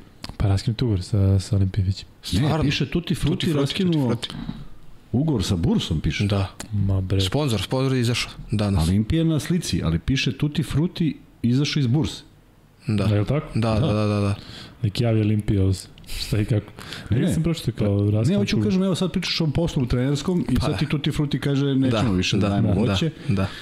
Jedno voće, kamoli svo voće i pap, nemaš klub odjedno. Dobro, li, to nas ne iznenađuje sa Doušom i sa svim tim... Ne znaš što nas iznenađuje, jer smo pre dve godine pričali kako bi Bursa ušla Evroliga. Da su osvojili Evroliga. Evo ti kako Evroliga. Samo tu ti Ali kaže... pazi, da su, da su ušli u Evroligu, možda bi vjerojatno drugačije. Nemaš pojma, ušli i Doguš sa projektom od četiri godine, pa da. minuščina od prve i doviđenja, ne postoje. Izvini, Alimpije, što sam te odjavio od burse, ali izgleda da... Nije, nije, da, vrlo je čudno napisano bilo. To da. sam ja vidio, da, kao raskinut ja ugovor, Dušan da. Lipinović raskinut ugovor. I naravno nisam pročitao, tako da E, nadamo se da će Olimpija doći ovde da nam priča o svemu, znamo da je sada tu i da je slobodniji, verovatno nije pomama za njim kao što je bilo prošle sezone kada je Bursa uradila što je uradila, Ali eto, nekako... Uh, Kad kažeš pompa, misliš novinarska, pošto su ga svi jurili, ako na to misliš. Pa mislim na, na, na svu vrstu pompa. Da, da je, da je bilo i... Ne, ne, bilo je ni mogo ovamo, onamo, jes. Sećaš se da i trenerski nešto su ga vezivali, pa ovo, pa je on... Ne, ne, ne, bilo je baš, svašta. baš, baš izofrenija. Da, da. delo mi da Letkabelis i Bursa su imali uh, jednaku, da kažem tako, hype sezonu u prethodnu. U Evrokupu Letkabelis ne toliko, ali su namučili Virtus koji je kasnije bio šampion, dok je Bursa došla, dok je došla i znamo načine koji je došla, a imali su jako dobre sezone u domaćem prvenstvu, međutim, čini mi se da ove godine jedni i drugi su onako ipak e, odigrali slabije od očekivanja i da je mnogo bilo bolje to kada ne očekuješ od njih, a evo pa, ih sada da, eksplodirali da, ali i sada odjedno su pod radarom. Drugi, tako te i drugi gledaju. Da. I onda kad ti iznenadiš, onda se neko obrati pažnju pa više ne možeš budeš iznenađenje. Tako da. da. ima ima i toga. Ali ovaj, ne mislim, Čanak je odigrao i Lijat Kabelis je odigrao sezonu sa izgubili ste od Žalgiris. Tako? Izgubilo su polufinalu. Polufinalu I sad za treće mesto, ne, ja sam, ja se vratio da. kući. Pa da, ali, ali ovo protiv da. Jonave, Jonava se bilo mučno u smislu, ona, ona treća utakmica u Panaveži su nije bilo ono tri, tri koše sve. Kako izgledalo to iz tvog ugla? Letkabilis potpuno nova sredina u smislu e, ipak e, i taj period u Bilbao i sve to što si prošao u Nemačkoj, odeš potpuno na drugu stranu Evrope, u potpuno neku drugačiji organizovan klub. Kako ti izgleda? Bili reči ono kao. da, da, da, da, lepo mesto, ali na sever. Da, pa ne, pričali smo, pa ne veži se ovdje kada je Čane bio, pa mi sad glupo da, da ovaj... A nije, mislim, stvarno, mislim, dovoljno, ima dovoljno lepo je, lepo je malo mesto, ima svega, sve što ti treba. Uh, mislim, imaš i taj Kaunas i Viljnus blizu, koje sam ja posećivao često što se njima nije svidelo, ali... pa što su znali? Što su, što, što si sve, su sakriješ, verovatno. Sve su znali, da. ništa ne možeš sakriješ. Ne možeš sakriješ korpu iz prodavnice. To sam posle čuo, baš zanimljivo. Ali tako, tako je, stvarno je tako. E, košarka je tamo sve i to je mač sa dve oštrice. Može da budeš kralj, može da budeš najgori i najgori na svetu zbog, zbog nekog načina života i ali, ali mislim Evrokup, organizacija, klub, stvarno nikakva zamerka. Malo ljudi, malo ljudi radi u klubu svi znaju šta, ko šta radi, uh, svi su prisutni na treningu, sve, stvarno su sve su dobri ljudi, uh, svi se nekako podržavaju, baš onako mala, mala porodica i s te strane stvarno stvarno je klub na, na, na jednom visokom nivou organizacije. To je Čanak pričao, da, da, da je zadovoljna organizacijom sve to. Stvarno, stvarno jeste. Ono svi vas na ulici znaju, tako da, da, da, da. da ta sredina. Marš sa, gde... marš sa dve oštrice. Peno krene da. za Vilnius. Da, da, da, zbog zbog Porta, tako. Peno krene za Vilnius i uključeno da, da. na televiziji njegov auto. A, a, da. Helikopter. A Čanak i ovi ono vide, vide imaju live prenos. live prenos, pa da. da. Ne pitaju se gde, znaju gde Meni se čini da je dobro počelo. U suštini, sećam se da si onako imaju dosta prostora, ono što sam prenosio meče u Evrokupu, da je taj početak bio definitivno bolji nego, nego, nego drugi deo sezone. Kako je delovalo to iz, iz tvoje perspektive? Pa jeste. Mislim, do, dobro smo počeli, i ja lično i, i ekipa. E, ne, ne znam šta je dovelo do, do tog pada. E, mislim, sigurno da, da, da, da je Kula Maja imao strašnu sezonu, to sigurno utiče. E, ne znam, ne, ne, nemam pojma, nisam, nisam, razmišljao sam, ali... Jel s Morisom, bilo... ste imali nekih u smislu da je zavisi minutaže jedan od drugog, Moris ipak da kažem više dvojka i on može... Dvojka je, da, da, dvojka, da. nije, nije toliko, nije toliko zavisi. A znam da i on dugo počinio na klupi, pa je onda kasnije kroz sezonu Jeste, imao... Jeste, bilo je, mislim, to, to i za Čanka više za pitanja, da. ali vidio sam ja da, da je bilo svakakih kombinacija u početku, da se vidi ko sa kim najviše, tako, tako. ko kome prija, pa smo, ne znam, počinjali ja i Moris prvih 3-4 utakmice, pa kao, aha, ne može ovo i ne može sa klupe, nije zadovoljan, pa ok, ajmo onda ja i Moris sa klupe, pa onda bilo Kulama i Moris, bilo mi stvarno bilo svakih kombinacija, pa onda ako ova dvojica na beku počinju, onda ne može ova petica da počne, mora ova druga.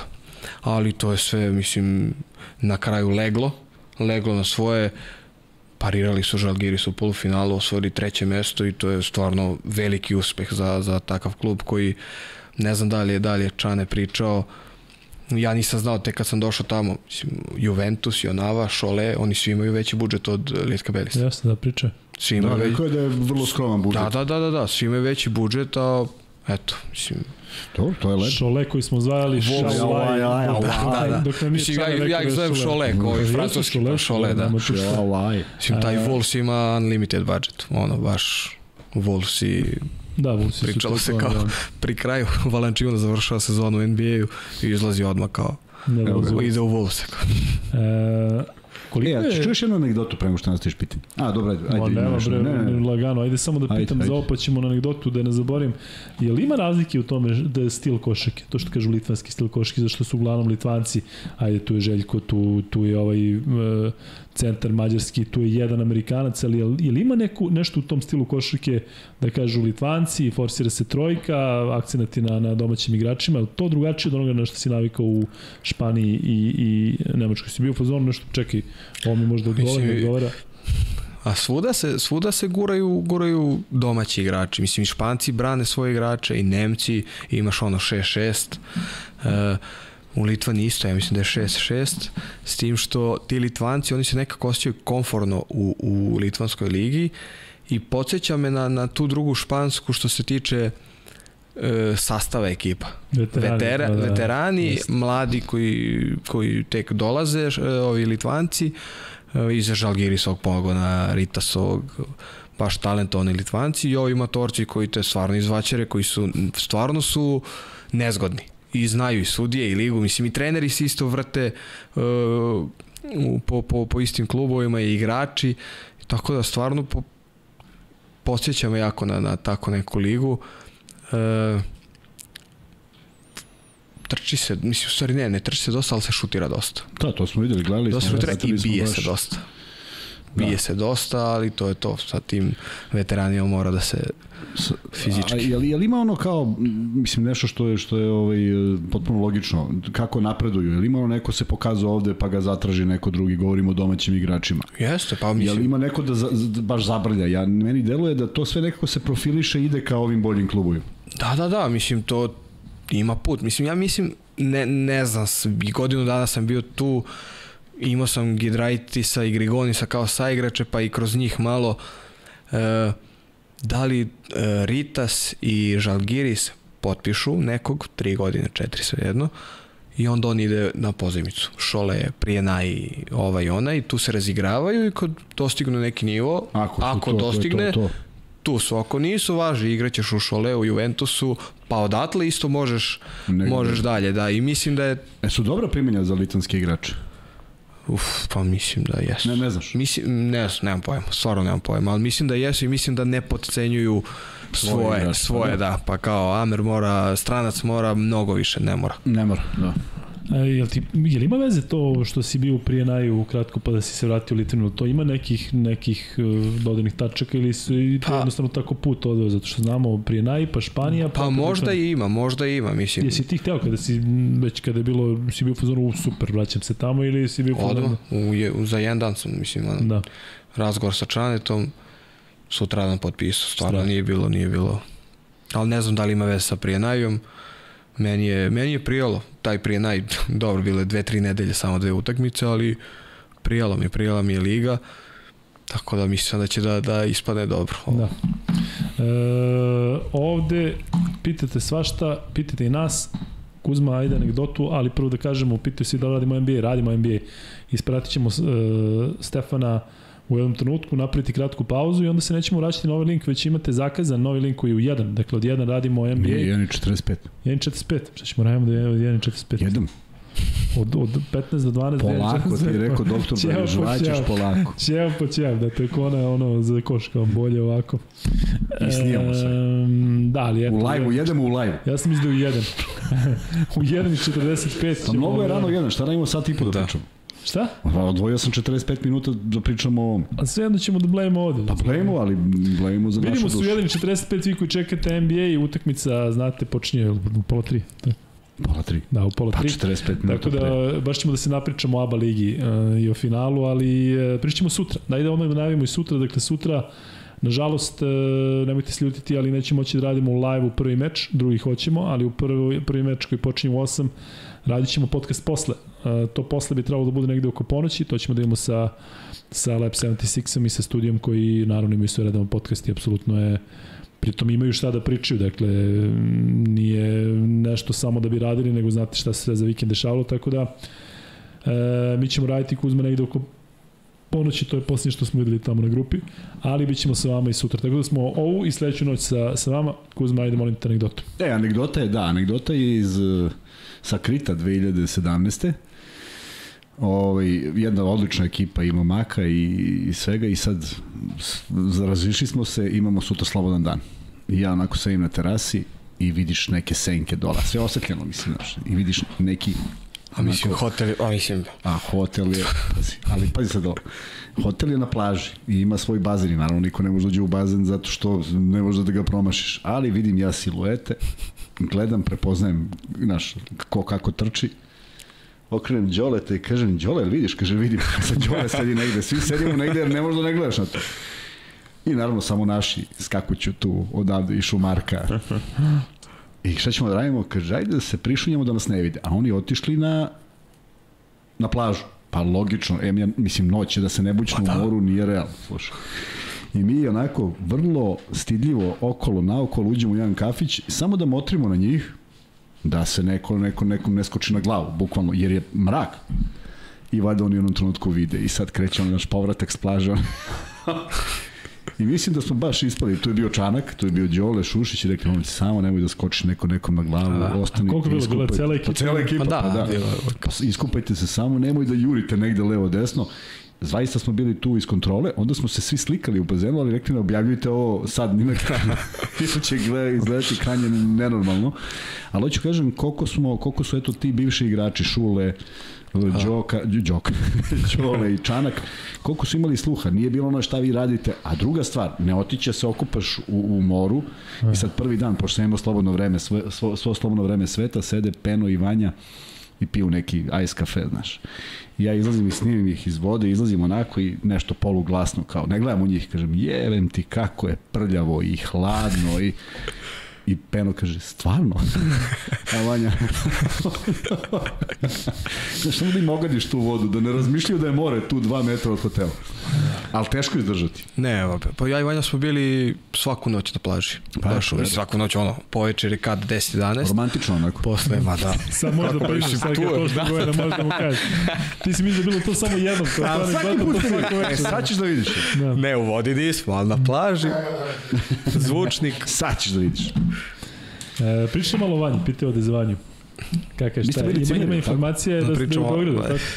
E, Vanja je u Beogradu, jeste. E da, koji dan dan? Ponedjeljak. Jeste. Možemo da dođe. Juče ili prekliče je došao, ne znam kad. da. On kolima to iz Španije Ne voli. Časkom, a? Spakuje pse, spakuje sve i kolima. Šta ima lagano. pse? Da. Neke mešance? Nije, neki su rasni, ali ne znam ja rase. Veliki neki dva. I mačka. Nešto zovemo i, I njega, Vanja, i tebi, i ti, i ti. Vanja, javi se. ste ovde, dobro došli. Ove, e, vezuju vaš, e, vas u dvojicu ovako prilično zbog tih I evo sad Kuzma kaže da ste bili cimeri, ali zbog te, tih mlađih selekcija, kako bilo to odrastajući s njima? Pa lepo, mi smo još pre tih U16 i, to, i taj RTC i igrali smo neke stalno e, turnire, ono, tri na, da, basket, nadi, klinci, jedan proći drugog uvek on za vračar, ja beo koš, te Beogradske lige, pa su nam se i roditelji valjda združili, ja mislim preko tih utakmica Strah. to stalno, pa da, mislim stvarno, stvarno lepo jedno prijateljstvo, neću da pričam kakav je ovako privatno, nije za šalim se, ali stvarno, mislim, lepo i lepo je kad se neko, kad se neko ne menja od malena Da. do To može, to priča. pa da, do, do, do, ka- do sad, do kad uspe, uspe u, u tome. Koliko više pratiš tako da su ti negde drugari s kojima si prošao taj Pratim košarkaški više, put, pratim tako više. recimo Viktorija, To, to najviše i pratim. Dakle. Mislim, ja sad znaju neki za koga navijam, ali ovaj, više gledam Lazarevića. Najbolji drug. Skoro svaku utakmicu gledam, tako da... Zdrav. Sad si otkrio. za Ali ne koga bi radiš. smeo, da. Sad si otkrio, Ali- sad gotovo. On- on navija vraći- Beograd. OKK Beograd, Klomferi. nazad, sed, setkamo, Peno je stari klomfer. ali... Ovaj, 30 godina nisam znao šta je klomfer. Ne znam, ne znam ni sad. Ne znam ni ja sad. Piše Klomfer. nešto. Nešto, OKK. zakiva nešto. Um, prošao je Vanja jako tešku povredu ramena, ja se stalno na to vraćam njemu kao šuteru, to još ta operacija i sve. Jel, eh, jel ste imali tu negde priču, tvoje, tvoje kolano, toliko pauze i njegovo rame e, koje je onako, ja koliko znam, on je doktor kada je objašnjavao iz Valencije što ga je operisao, to je dalovalo za nas lajke prilično ozbiljno. Pa Mislim, služ bila desno, desno šuterska, rame, da, da, bila da, šuterska, da, da. da. Pa mislim, čuli smo se ono, mislim, šta ja mogu da mu savjetujem, mislim, i to je jedan s tog To menta, glavi, sa, pa pa da. to, mentalno, to je sve u glavi, Da. a on je u glavi stvarno spreman, Sila. da. Tako da, tako da nije mu bilo. Mislim da je bila korona pa mu je to pomoglo, tako nešto. Ali on je, on je, on je zaista pokazuje jednu stabilnost i u tim, ja ne znam ga sa u 16, ali znam ga sa ovih kasnijih. Stvarno pokazuje jednu, jedno, priđeš mu i u bilo kom momentu utakmice kad mu nešto kažeš, to je to. Da, kad nema- pričaš sa starijim ljudima i kada je iziju, onda je baš ozbiljan, ali... ali Ovako bleja. Da, da. Inače, Klonfer je građevinski limar. Eto ti. Da, da, da nisi Ponosno, rekao sad nikad ne bi znao. Pa eto. Svi treba budemo ponosni što smo bili Klonferi. E, Nikola Pavlović pita, možemo ići da se okrenemo malo pitnije, pa ćemo da, da šetamo gore dole. E, pozdrav svima, može komentar Pena, koja je razlika sem finansijskog momenta između rada u mlađim kategorijama u Španiji i Srbiji, s obzirom na to da su preotali štafetu, što se vidi u se- seniorima? Koliko je zbiljnije? U smislu, koliko, je, koliko se više ulaže, koliko se više bolje pazi? se radi kod nas, ja mislim. E, zato što u stvari, ajde, sis, sistem je vjerovatno bolji tamo. Imaš i uslove, imaš i konkurenciju, imaš i neki cilj, verovatno, i svašta nešto. Ali tamo sam video, bar tad kad sam ja bio, da dete od 13 godina, 12, 10, 11, 12, 13 godina, ako je viši od svih, on Ne igra, radi, ne radi tehniku on igra centra. centra, da, da. On igra da. centra i kao hvata lopticu pod koš. To je, da, to je davno. I ne zna ništa drugo. jeste. Nema koordinacije, ne zna ništa. A kod nas, naravno, mislim, Svi dobijaju. što si, što si tako. viši, igraš playa da naučiš da, jer ćeš... I to je svuda tako. Evo, priča sam Pa mislim, su dana. u Španiji. U Španiji. Ne, da, ali govorimo ovde. Je li tako? Ovde je drugačije. Ja Ovde mislim da drugačije, ovde, da, ja mislim ovde da se ovde... Svakom detetu nauče Tako da... je. Tako, tako ovde, je, da. evo, pričam sa uh, drugarom od mog lava od sina, Laze iz uh, igra u Savskom vencu kod Susle, trenera, ima 12 godina, 1,80 i nešto. Ja ga pitam, igraš centar? Kaže, ne, ne, ne, govorimo na play. Da, Tako da, da, da. mislim da je to je. onako sistemski i standardno, znaš, da naučiš dete Bio svemu. sam, bio sam 100 do, što bi rekao ovaj naš Sale Rakić. 100 do sam bio kad su sedeli neke glave košarkaške i pričali baš na tu temu. To je nekad kraj 90-ih.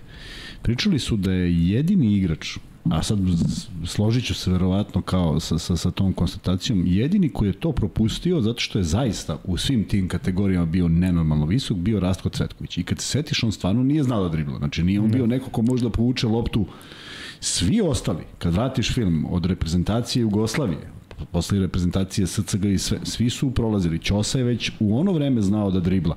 Svi visoki igrači su dobijali te zahteve, tako da ovaj, tu smo uvek bili, uvek smo bili korak ispred svih i zato su svi naši igrači mogli da, da igraju na svim pozicijama realno.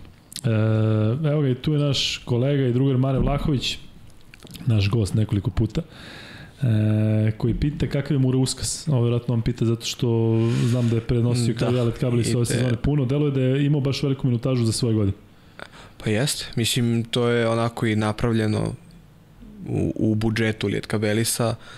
E, veteran Lipkevičius i, i drugi je morao da bude Muruskas. Ja mislim, verovatno je bilo tu još nekih opcija, ali najbolje najbolji, najbolje su uparili njega sa, sa Lipkevičiusom na, na poziciji 3.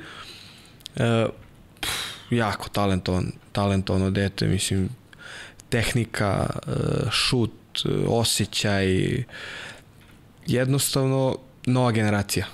Nova generacija. Šta ga vidiš ovako iz tvojeg ugla sad kada već Ma, si ti prošao može, nešto? može da završi u prijenaju, može da završi u NBA-u. Da. Sve je na njemu. Mislim da da li će da sluša, da li će da hoće da radi, radi, stvarno radi i ostaje i posle i pre dolazi da... da Ništa da, od toga da ti kažem. Da, da, da, da.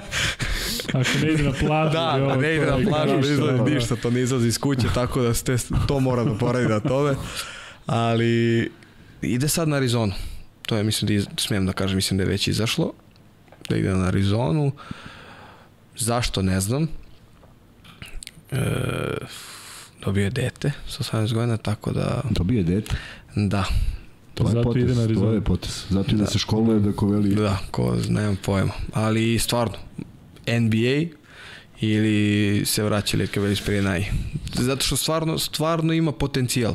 Ima potencijal, ima glavu, ali u nekim momentima pokazuje da je prije naj. Ništa protiv prije naj, zadnji da, su dve da, godine da, za redom, pa kao ali eto, a nadam se da će napraviti Na, nešto. Nadam se da će da NBA. Da.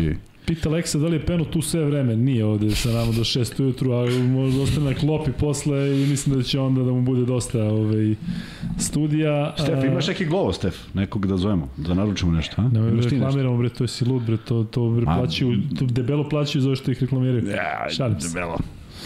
debelo, sigurno debelo, da. E, pitaju da li opet ima stream NBA, ne znam, iskreno da vam kažem. Nema, opet ima, da li, a, da li ga ne, puštaju? Da li će a, biti znam, stream, oni koji bi prošli put, ne, ne znamo. Ono što mi znamo, dve stvari, dakle u 2.30 utakmice i pratit ćemo u live-u. Pitaju ovde opet da li će biti priča o EBI, e, ABA finalu. Hoće. U Hoće, onom početku, pričamo, da. od 1.45 do 1.49 otprilike, pošto će da. biti toliko vremena, ali šalno strano zaista ćemo malo da komentarišemo pre početka utakmice nema šta, nema više iznenađenja, peta utakmice, Nagica i Hita i e, nećemo da pravimo mnogo mnogo najavu samog meča. E, Stefani, koliko pratiš NBA ili ti je možda sve to što se dešavalo u tom ranom periodu tvoje karijere na neki način onako malo i ogadilo tu, tu američku priču? Tako je bilo. Tako je, ta, tačno tako. E, o, kad sam bio baš tako mlađi, 15, 16, 17, samo NBA. Samo NBA sve utakmice, zna sve igrače, sve rostere, trejdove, sve moguće. Gle, vidiš sebe verovatno negde, ali da, da, tu, da, ubaciš se. Da. ali posle onako, prvi, prvi tim bar se to što sam zakačio posle Alba, vidiš, svidelo mi se, svidela mi se evropska košarka, zaljubio se u tu, tu evropsku košarku, to takmičenje, svaka utakmica znači, ovamo okrenemo onu regularnu sezonu, Ne, da. mogu, ne mogu da odgledam celu utakmicu, a play-off pratim, ne, če, ne ovaj, svaku utakmicu i sve to, ali, ali pratim ono što je zanimljivo. Koliko si imao kontakta, kontakata sa Jokom i sa, sa celom njegovom karijerom? Koliko ste se ovaj, negde... Nismo se nigde, nigde, tako, nigde, nije igrao nigde, nigde. za ovu, za ovu, nije igrao za mlađe selekcije, tako? Mislim da jeste, ono 95. Jedno, 95, jedno. da. Da, ono je jednu medalju stvari ima, znam, ali znam da je tu nešto bilo da, da nije igrao ovaj, koliko, koliko trebalo, sad će Kuzma da nam, da nam objasni, ali koliko tebi, generalno iz tog nekog igračkog ugla sve ovo deluje što, što radi tamo u Nagici. Mislim, ne, ne, ne moguće da, kao, daš, kao da, nemoguće, šta, ja pričam da. sad o Jokiću, da, mislim, da. ne, pričam, da, ja da ovdje, da. ma ne, pa mislim, pa svi vidimo šta radi i meni je nekako najdraže to što, eto, tako jedan belac, koji je jak, on je jak, stvarno je sila, ljudi kao debe, Pričano ovo. Pričano Milo je ovde koliko je stvari jak, kaže koliko... Aj nešto je jak, nego ima onaj snimak kad Ejton izađe iz igre, zadiha, ne može da nadiše Jest. i kaže kao ovaj nestaje da trči. Mm. Znači on trči, on Jest. trči, celu utakmicu trči gore dole u, u ozbiljnom ritmu, tako da mnogo mi drago što, što u ovom svetu te fizike i skakanja i svega toga on dominira i pokazuje šta je u stvari prava košarka i eto, leglo je sve sad, nadamo se da da je večeras to. Češ gledati? Hoću, evo, hoću, hoću. E, pitaju za koga navijaš u NBA ligi, vajde da uzmemo Denver da stavimo po strani. Ili ima neka ekipa koja ti onako pri srcu odavno ili sad novo da ti se nešto dopalo? Nema. Iskreno nema. Ono pre možda... Što da pitaju da li navijaš za Lakers ili ima neka veza s Lakersima? Nešto. Ne bi trebalo. Ne bi trebalo. Magic da. Johnson možda, ali da. ne bi trebalo, ne. Da. Ti slobodno, Kuzma, idi, ono, prošli, ne, ne moraš jednom, ne moraš tri put, možeš pet puta, ja ću da sedim, ne brin. Si naručio bar nešto, nisi? Jes. Jes vam? Jes, ne ideš? Neću, neću, ne smem. Šta će? Naručio sam četiri. Sad kad dođe, sad kad dođe, porcije. sad kad dođe, to je gotovo. jednu porciju, jednu veliku. Jednu, ali veliku. Da. E, Deset komada.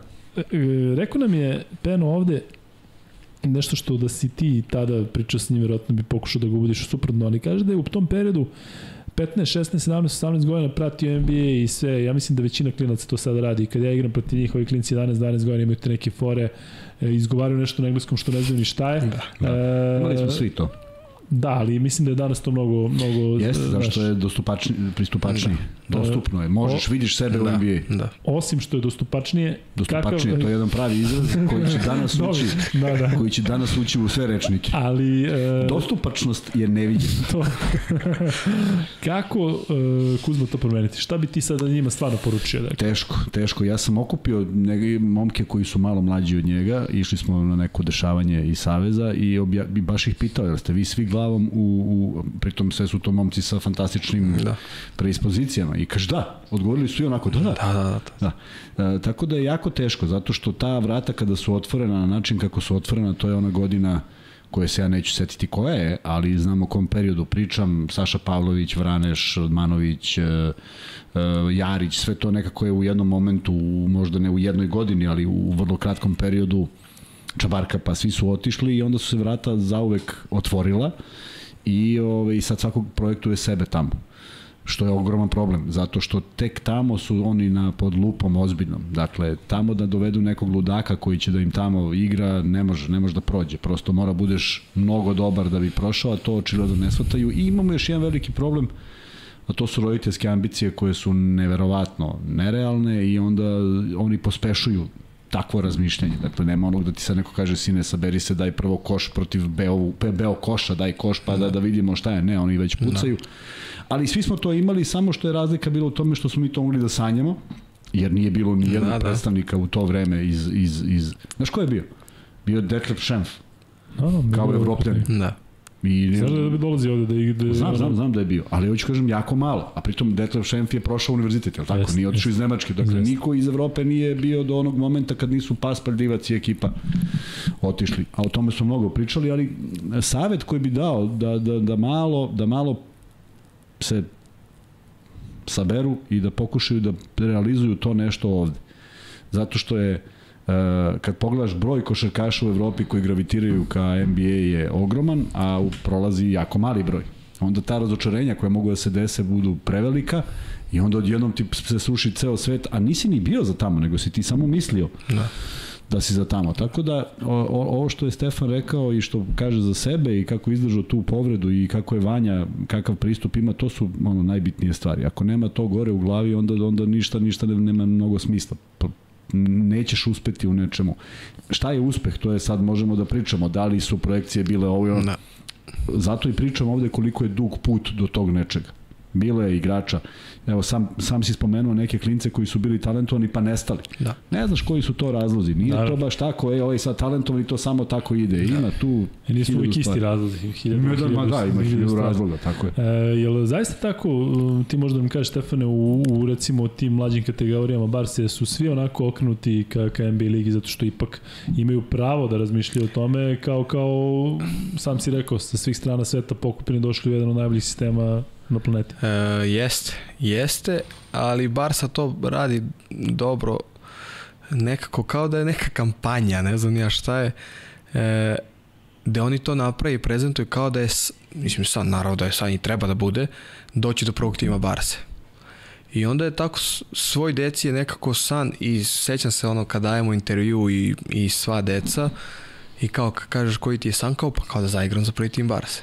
I kroz to nekako mislim da... Iskreno ili to je nešto što se Pa mislim da, da, znaš, kad, kad se toliko to priča o tome, onako da, da. počneš i da, i da veruješ u Jasne. to i nije da zaboraviš na NBA, ali, ali ne bude ti NBA sve, nego kao prvi tim Barca Euroliga i to je to. Tako da... E, ima jako dobra fora koju moram da pročitam. Ajde. Po litvanskom zakonu svi koji dobiju dete sa 18 moraju u Arizona. Baš E, pitanje za Stefana da može da igra jedan na jedan basket koga bi izabrao i koliko šansu bi dao sebi. Ko ti je neko s kim bi volao da igraš malo jedan na jedan? Da li imaš nekoga s kim bi se krljao?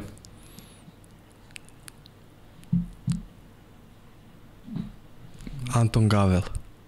Opa. Zato što nisam mogao da ga pomerim na low postu. Nisam mogao da ga pomerim. Znaš kako ga? A ne, slovački. Šta će da izgooglam? A kako da, pa kako? svih vremena, verovatno. Pa, što nas je natrpao jednom sad trener. Ma ne dobače. Um, trener da. Ulma, da. Ne. Šalim se, pa da rekao sam, ne znam. Sad što ne mogu se setim sad šta da kažem. Magic Johnson, Jordan, Lebron, nemam pojma. Ali tako nešto zanimljivo. Da. A, da. Evo, pitaju te ovde, uh, ko je najbolji igrač sa kojim je trenirao ili igrao?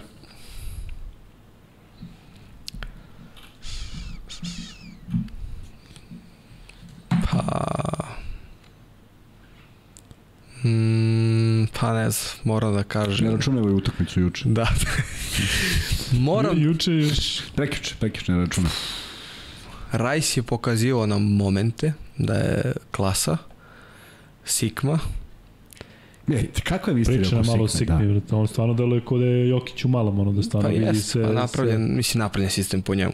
A i to je A šta se onda desi? Gde, gde on, zašto on mane? Da se on umori? Šta mu je? Na Nešto godina je bila... Ne, nego nema, tak, tak je sistem. Nema, nema mnogo pritiska za, za pobedu, za tit. Mislim, ima. Sad, sad ima malo za titul i to, ali sve nekako samo da smo srećni, zadovoljni tamo u Berlinu, bez pritiska, samo da igramo lepo, samo da damo, da damo 100 poena, da, da, da kupimo krofne, kao ko da 100 ti poen kupuje krofne. Majke mi, mi smo jedne sezone, te, pa te prve sezone. Zato si se ti obucio. Kad nas nisu, da, dok nas nisu Nemci provalili s ovim, s ovim passing game-om, davali 100 poena svaku drugu utakmicu, 24 krofne na, na, na treningu sledećem. Ali stvarno je tako i onda Ko je to Milina? U da, a? i onda on, i on je pametan, mislim, on je posle te MVP sezone u Eurokupu imao, ja mislim, verovatno svaki tim Euroligaški ga je da hteo.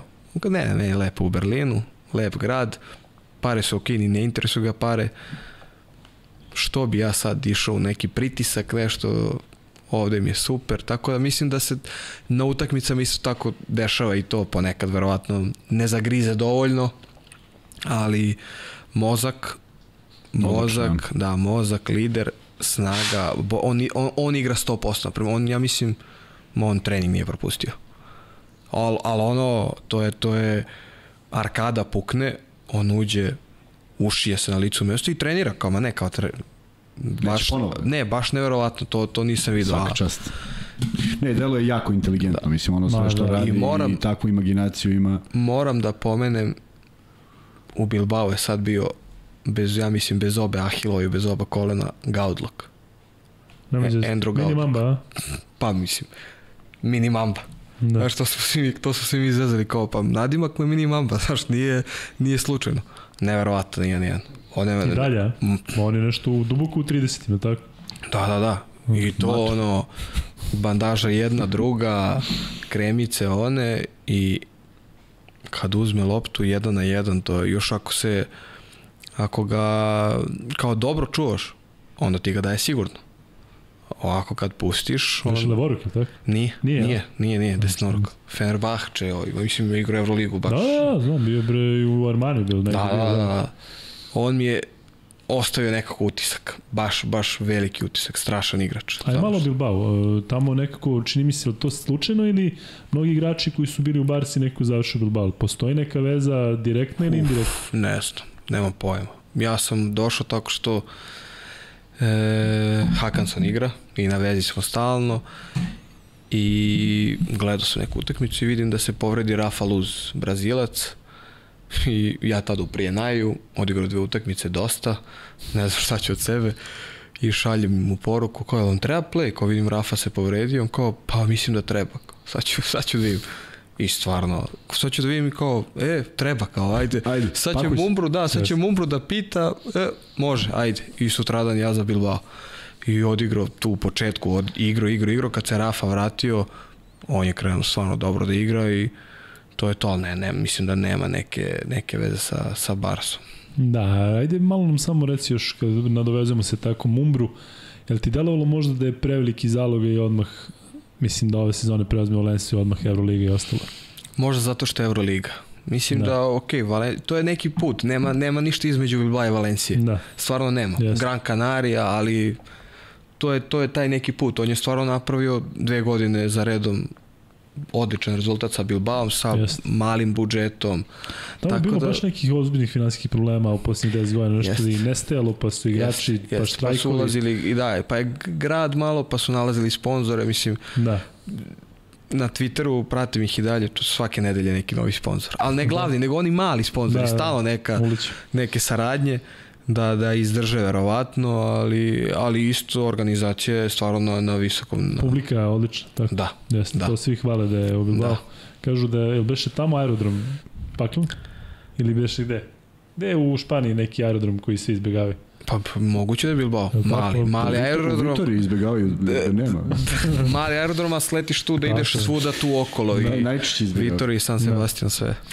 Um, Ajde samo kada smo već prošli ovu većinu klubova, malo taj period u Rust Effecti koji smo izvali ovde vek. Da, da. Ove, kako je tamo? Je to da, opet taj neki nemački sistem gde si opušten ili ipak ima više dokazivanja, više neke pa, želje? Pa mislim, ima, ima, do, nije, mislim, nije, Alba nije nemački sistem, Alba je Alba, to stvarno to... I ti sad bio na pozivnici, tako? Da, da, da. To je bilo to što sam odigrao taj bubble na silu, e, dobio opet tri godine sa albom, s tim da prva bude u Fehti. E, i bilo je dobro, stvarno je bilo idealno za, za povratak nekako, jedna utakmica nedeljno, pomoćni trener koji se opet vratio, sad je Izrael pomoćnija, bio je i, mislim da je bio Obradović pre toga i ja i to je bio tri godine pomoćni, znači zna sistem, zna sistem, uve on da. neki svoj sistem u Fehtu, poznaje mene, on me zvao, tako da je sve bilo nekako uh, lepo namešteno za, za jednu sezonu za povratak, samo što rezultati su bili baš i to i sve nekako na jednu loptu, dve lopte, da li naše neiskustvo, da li nešto, pa onda izgubiš 3-4 za redom, pa petu, čim, čim krene na doleti, aha, sad ćemo to. Ja, me više bilo i mentalno posle i ispali smo iz lige. Ispali smo iz lige i zato, zato mi ostaje neki gora kukus, a u stvari prelepo jedno selo, stvarno selo, ali prelepo.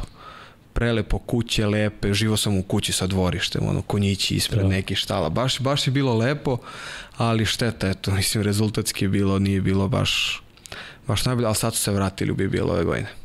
Da. Sledeći će igrati. E, kako vidiš sada, svi ovde pitaju gde ćeš, šta ćeš, kako će ti planovi, da li vidiš sebe u ABA ligi. Nakon ovoga svega što si pro, prošao, ipak da kažem neke tri različite sredine, na računom ovde naravno kod nas, ali Španija, Nemačka i eto te, te dve epizode u Litvani. Ili imaš želju za nešto novo, ne, nečim novim, ili imaš možda želju da se vratiš baš negde u taj neki mir, ko što kažeš, neko selo, konjići, le... da, pa ne znam, mislim... Ovako kada gledaš šta da. ti sada odgovara više? Uh, nemam pojma, morat ću, mislim, razmišljam o tome, da, naravno da bi, da bi neku nekako sigurnu, stabilnu, stabilnu situaciju. E, Evo, na primjer, Iskren... Bursa. Bursa ovog dana. Ili da. bilo koji drugi da, turski klub. Ali danas ono da potpiše. da. Na 7 godina. to ti je najstabilniji.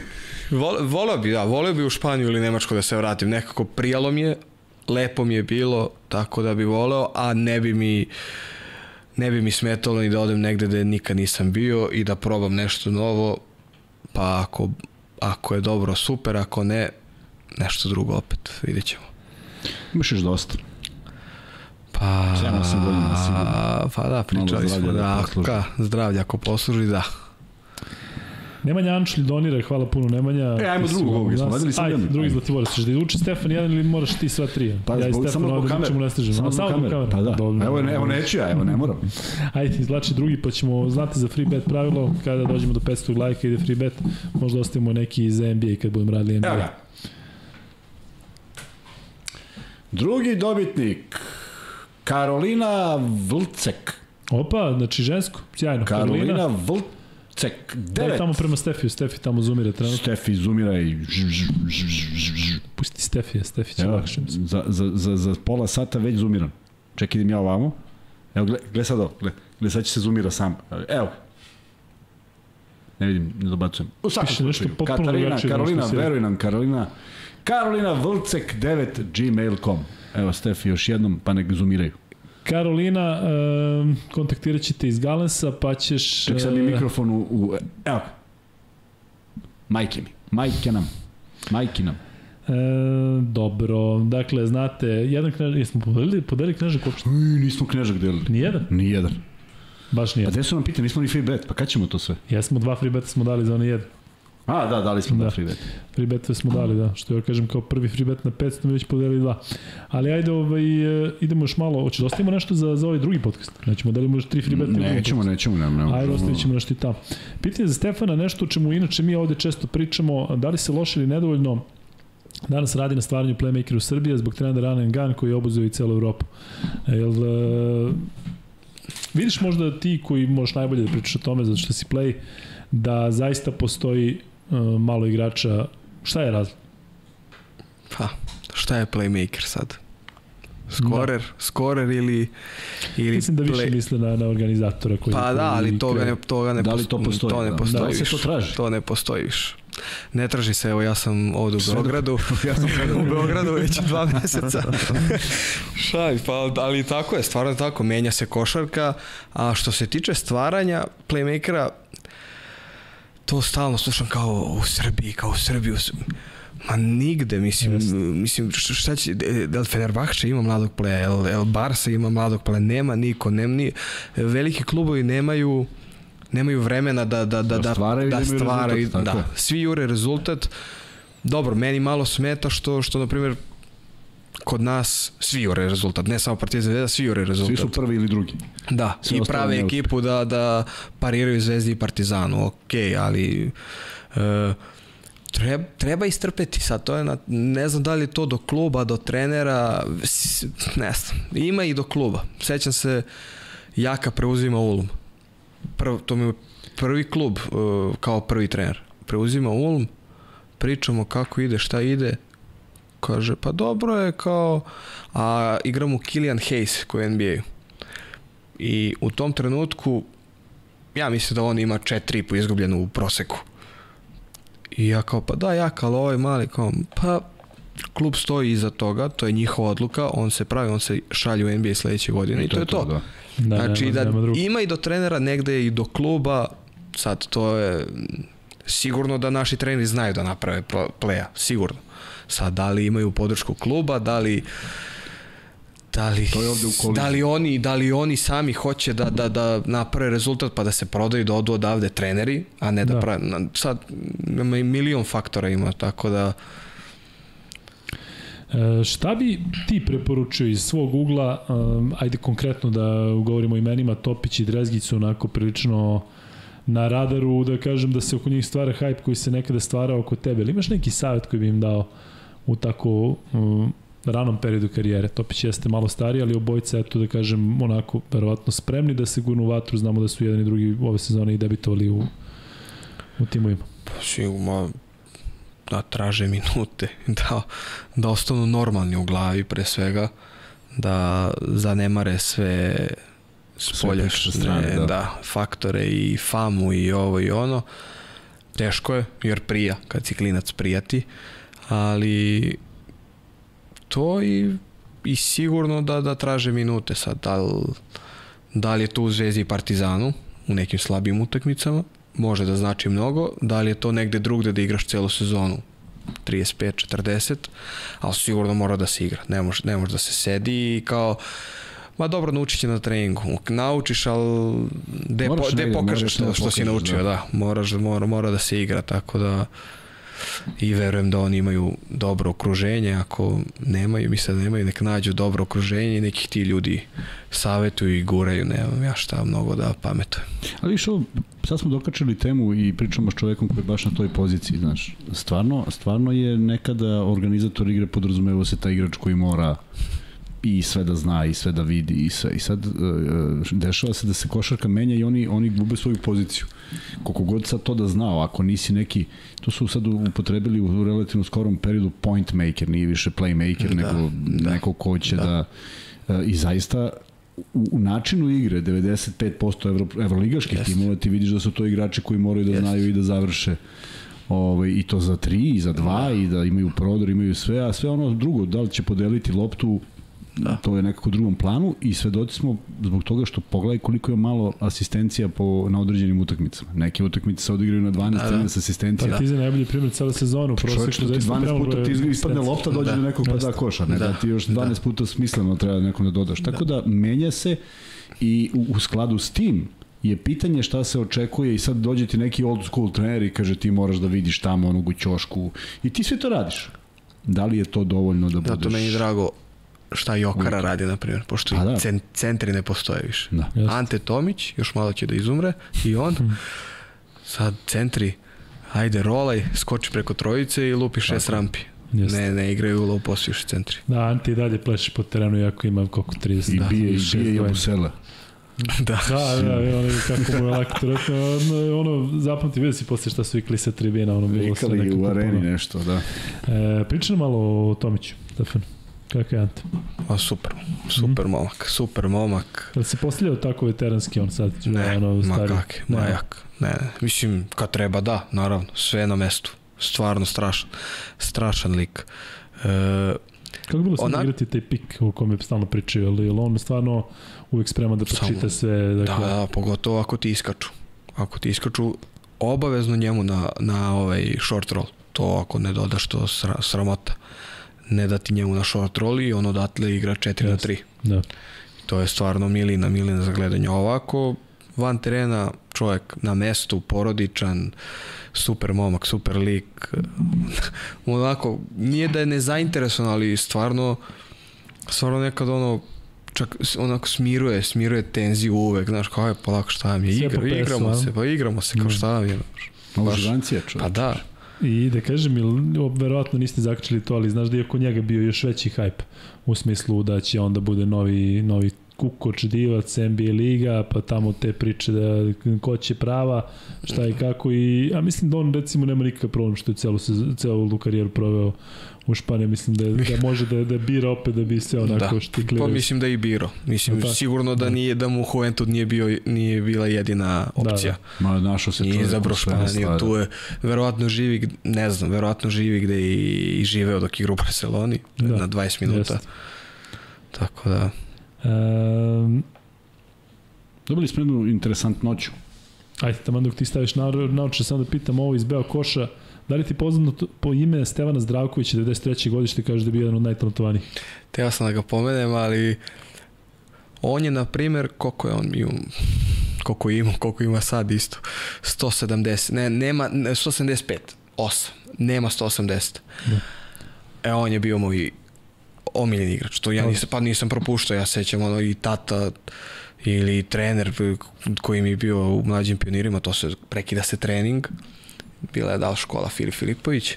Bože, idemo, da, da, idemo u Sinđu na konjarniku, gledamo Ostevu, igra protiv Zvezde ovih onih 40. Svaku. Da. Iz svih mogućih pozicija, mm, ma, neverovatan talent, levoruk.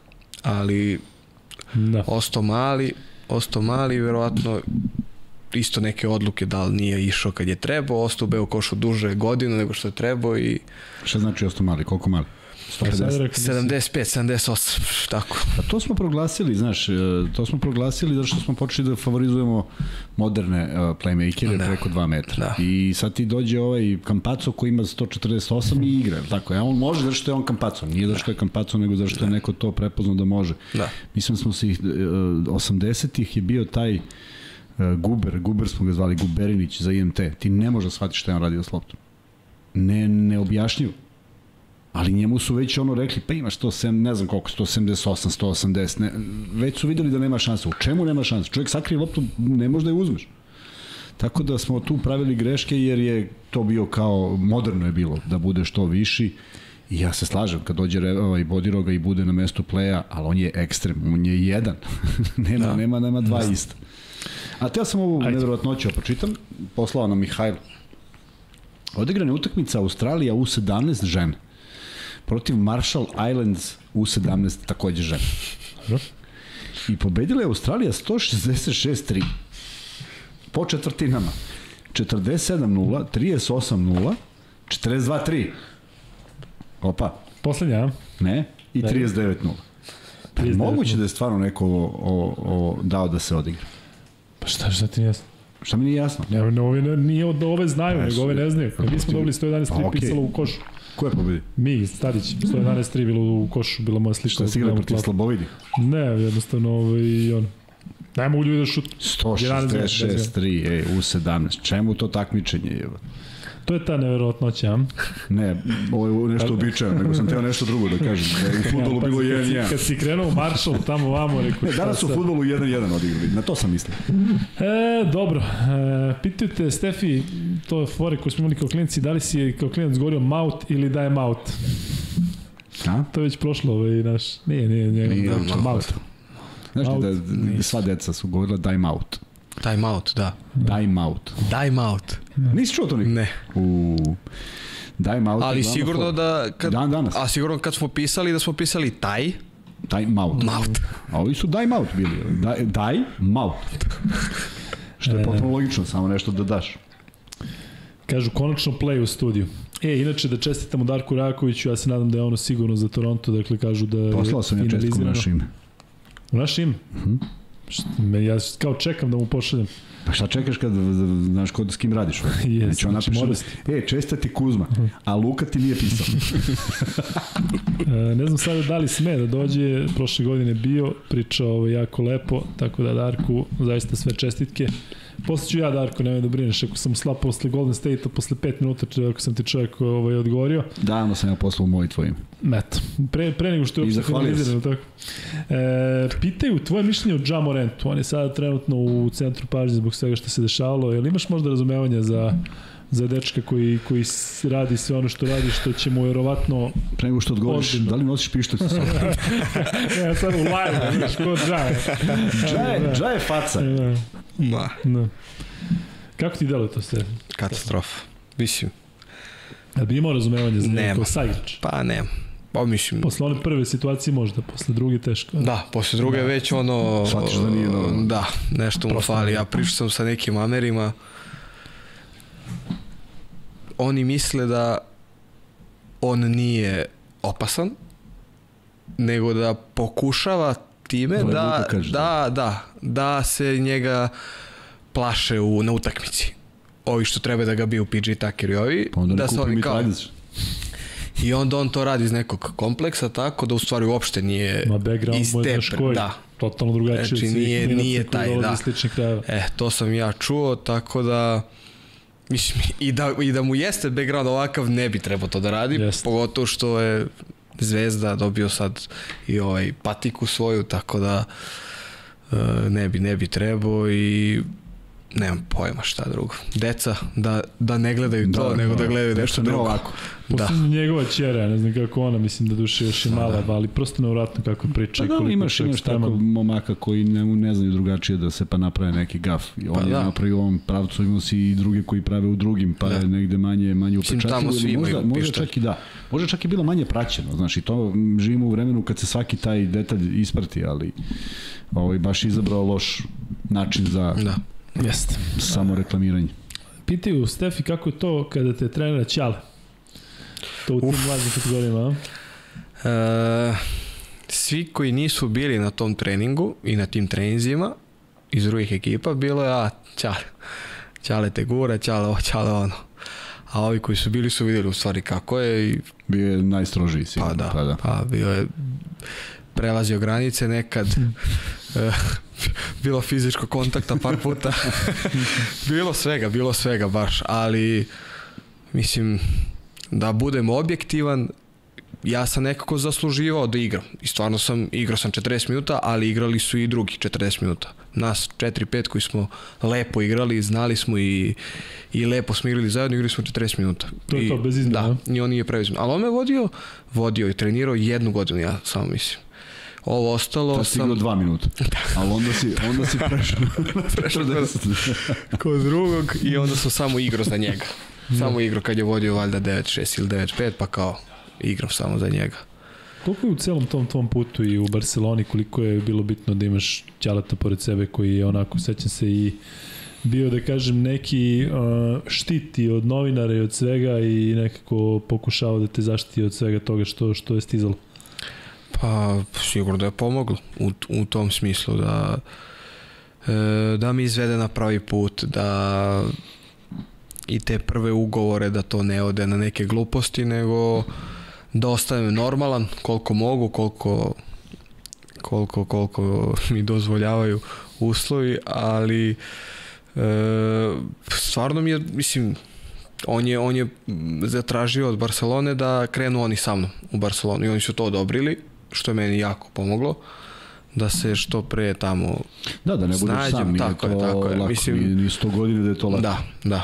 Lepo je tamo sve i taj internat i deca, svi smo zajedno i provodio sam tamo najviše vremena, samo sam spavao kući, ali opet bilo je mnogo lakše kad znaš da te čeka krevet kući, a ne, mislim krevet te pa čeka i ovde, ali... žica na kojoj ste spavali. da, da, internat. I bo, dijanj bode u sred noći, znaš, dijanj ubada. Ali bilo, stvarno, mislim, bez njega verovatno ne bi, verovatno, ko zna šta bi, možda i bio NBA-u. Da, ali, nikad ne znaš tako. Ali, ne bi. Znaš. Da sam mogo, nisi ne, mogo. To, to su stvari koje nikad ne znaš. Da, ne si mogo bio bi, da. Ali ovaj, da, to je vrlo bitno zato što uh, plejada ovih klinaca koje su malo mlađi od tebe išli su u Italiju ono što je bilo vrlo interesantno za dobijanje italijanskog pasoša. Da, se. Da, da. Ali su odlazili sami. Da, da, da. I mnogi su se vratili i nisu napravili ništa i mnogima je taj prelazak bio nenormalno težak, jer da. ipak su to godine, bez obzira što tamo čeka neki red. Nije svako imun na, na, neke, na neko odsustvo od kuće, treba biti tu, ovaj, zavisi kako si vaspitan i da li možeš, tako da, zato kažem, ništa se ne preslikava. Da, da, da. Ne znamo sad zavisi. kako bi neki da, drugi da, da ima isti put kao pen. Da. Možda bi otišao negde, možda ne bi nemaš pojma, ali ne može bude isto. I nije, nije, nije ni zamišljeno da bude isto. A Stefane, sistem za sve isti u smislu, da li zaista ponude u tim godinama cijela porodica se presli 14-15 godina? Ne. Ne. Bilo je primjera posle da ne imenujem igrača koji su tražili, bilo je kao, pa evo, Peno, oni su kao ne, ali ja sam imao tu sreću da me u tom trenutku taj sportski direktor mlađih kategorija bukvalno zaljubljen u mene. Bukvalno je bilo proba je bila u Blaugrani, Ćao i Pasqual. Navarro, uh, prisutni svi. Stvarno, ne, on je nešto video u meni, ja sam njemu bio šta go, evo, da su roditelji bili ko, ono, bezobrazni, da su tražili, tražili ko zna šta, verovatno bi ovi dali. Uh, Tako da, eto, ja sam imao tu sreću. Ne praktikuju, Hakanson je sam došao. Mislim, da. i je napravio on karijeru. Mislim, ima ovih koji su se nisu snašli, da, baš tako, tako, i vratili se kući. Samo za njih manje čujem. Da. da. E, Navar, pominješ, zakačili ste koliko sezona, ja mislim da je on pričao jedno vreme koliko vi kada dođete mladi, poštujete trening, poštujete da. sve, ali čini mi se da, da pristoje jednog najboljih playmakera Evrope je značilo za vas, posebno za, za tebe zbog pozicije. Pa Jesi si uspeo da naučiš nešto njega, ali bilo nekih konkretnih e, lekcija, primera ili, ili samo ono... Nije, nije, nije toliko jer on nije super lik, super lik e, u slačionici, sve super, ali profesionalac. To se vidi na njegovom telu, ali on profesionalac. On dođe, istrenira, ode kući. Koliko Dva i po sata, dva i po sata i poslednji minut da. više, tako. Da. E, da, ne ostaje da šutira. Ne, da. šta će mu? Da. Možda malo, možda ubaci 10. Navaro, ja. ali, ovaj, ali znači, kako ne znači samo da, pa samo u slačionici da budeš sa njima. Opet treba da se igra, ali samo i u slačionici da budeš sa njima. U pripremnom periodu je, je o, da vidiš kako se oni ponašaju, kako je to sve, posle na terenu isto kako je to fokus, ponašanje i sve ostalo i e, respekt prema trenerima, prema drugim saigračima, prema mlađim, prema starijim, sve to sve lepo nauči, iskustvo da, i sve nauči, ako, ako gledaš na pravi način možda da naučiš dosta. Ti si bio tu kad ste ga ispratili u penziju, tako? Zakči si taj period ili... Ne, ne. ja sam od uh, Barcokas, da, njega je, njega je mm, selektor Pešića, mislim. A tako? Da, bio je Sito Alonso, tu je još uvijek igrao, posle Barcokasa i onda je došao Pešić i to je to bilo, ja mislim. Opet, eto, samo ono, povučeš neku temu, ali ajde pričam malo o A reprezentaciji. E, dakle, prošao si sve te mlađe selekcije i taj period u A reprezentaciji, e, saradnja sa, sa, koliko trenera si radio dok si, dok si bio A reprezentaciji? Sale i jedan prozor Kokoškov. Da. E, kako bilo to? Sjajno. Kao i, kao i u mlađim kategorijama. Da. Mislim, ono, čast, čast. Je to ipak e, nešto drugačije? Jest, nema pa to je san, i... mislim, ti prolaziš da. sve te mlađe kategorije i gledaš kao kad će, kad će ovaj da pozove za seniore.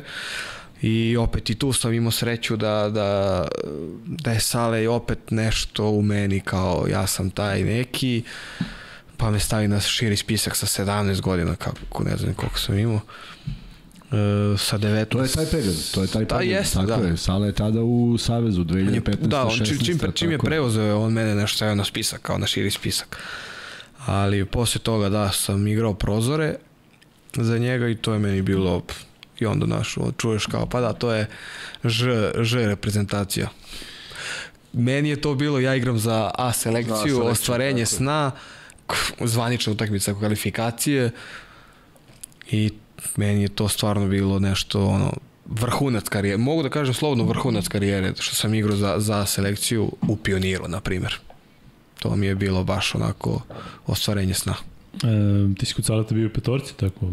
Pa jes, da. jesam, da, da. Kako ti dalo da to on je otišao sada na kinu, mnogi igrači odu na tako neke egzotičnije destinacije, razmišljaš o tome? Viš sad se sve to dešava, taj Tajvan i sve. On, on, on je naravno trener, da li bi ti sebi, da li vidiš negde u glavi ta pa negde post, daleka? Pa da, kad postanem ovaj point maker sa, da, onda sa preko 20, onda mogu da razmišljam da. o tome. e, hvala Lučo na lepim rečima. Pitaju te ovde za mišljenje o Karmelu verovatno zbog, apropo ovoga što je otišao u penziju, pa da pričamo još malo o njemu. Imaš neko posebno mišljenje ili nešto? Šteta što nije uzoprsten, da. jedino to. Jeste. E, dobro, pitaju dalje, da li će da gleda Stefan sa nama, neće sigurno, zato što je normalan, pa će ovdje kući. I može, i može, da, dakle, da nije... Rado ovaj... bih ostao s vama, ali neće. da, e, tako da, verovatno, znaš, je, verovatno i, i može da jede nego fazonu, dajte da završimo ovo, pa da kažem da ne smem. Deda, zasedamo da. sada jedem. E, dobro, E, kažu, evo, Vuk Grbić koji je naš jedan od početka s nama, kaže kako dobar momak, milina ga slušati. Imaš mnogo lepih e, reči, ali da, da ne preterujemo sa ovde sa, sa tim komentarima. Dobro je zaista, da. da.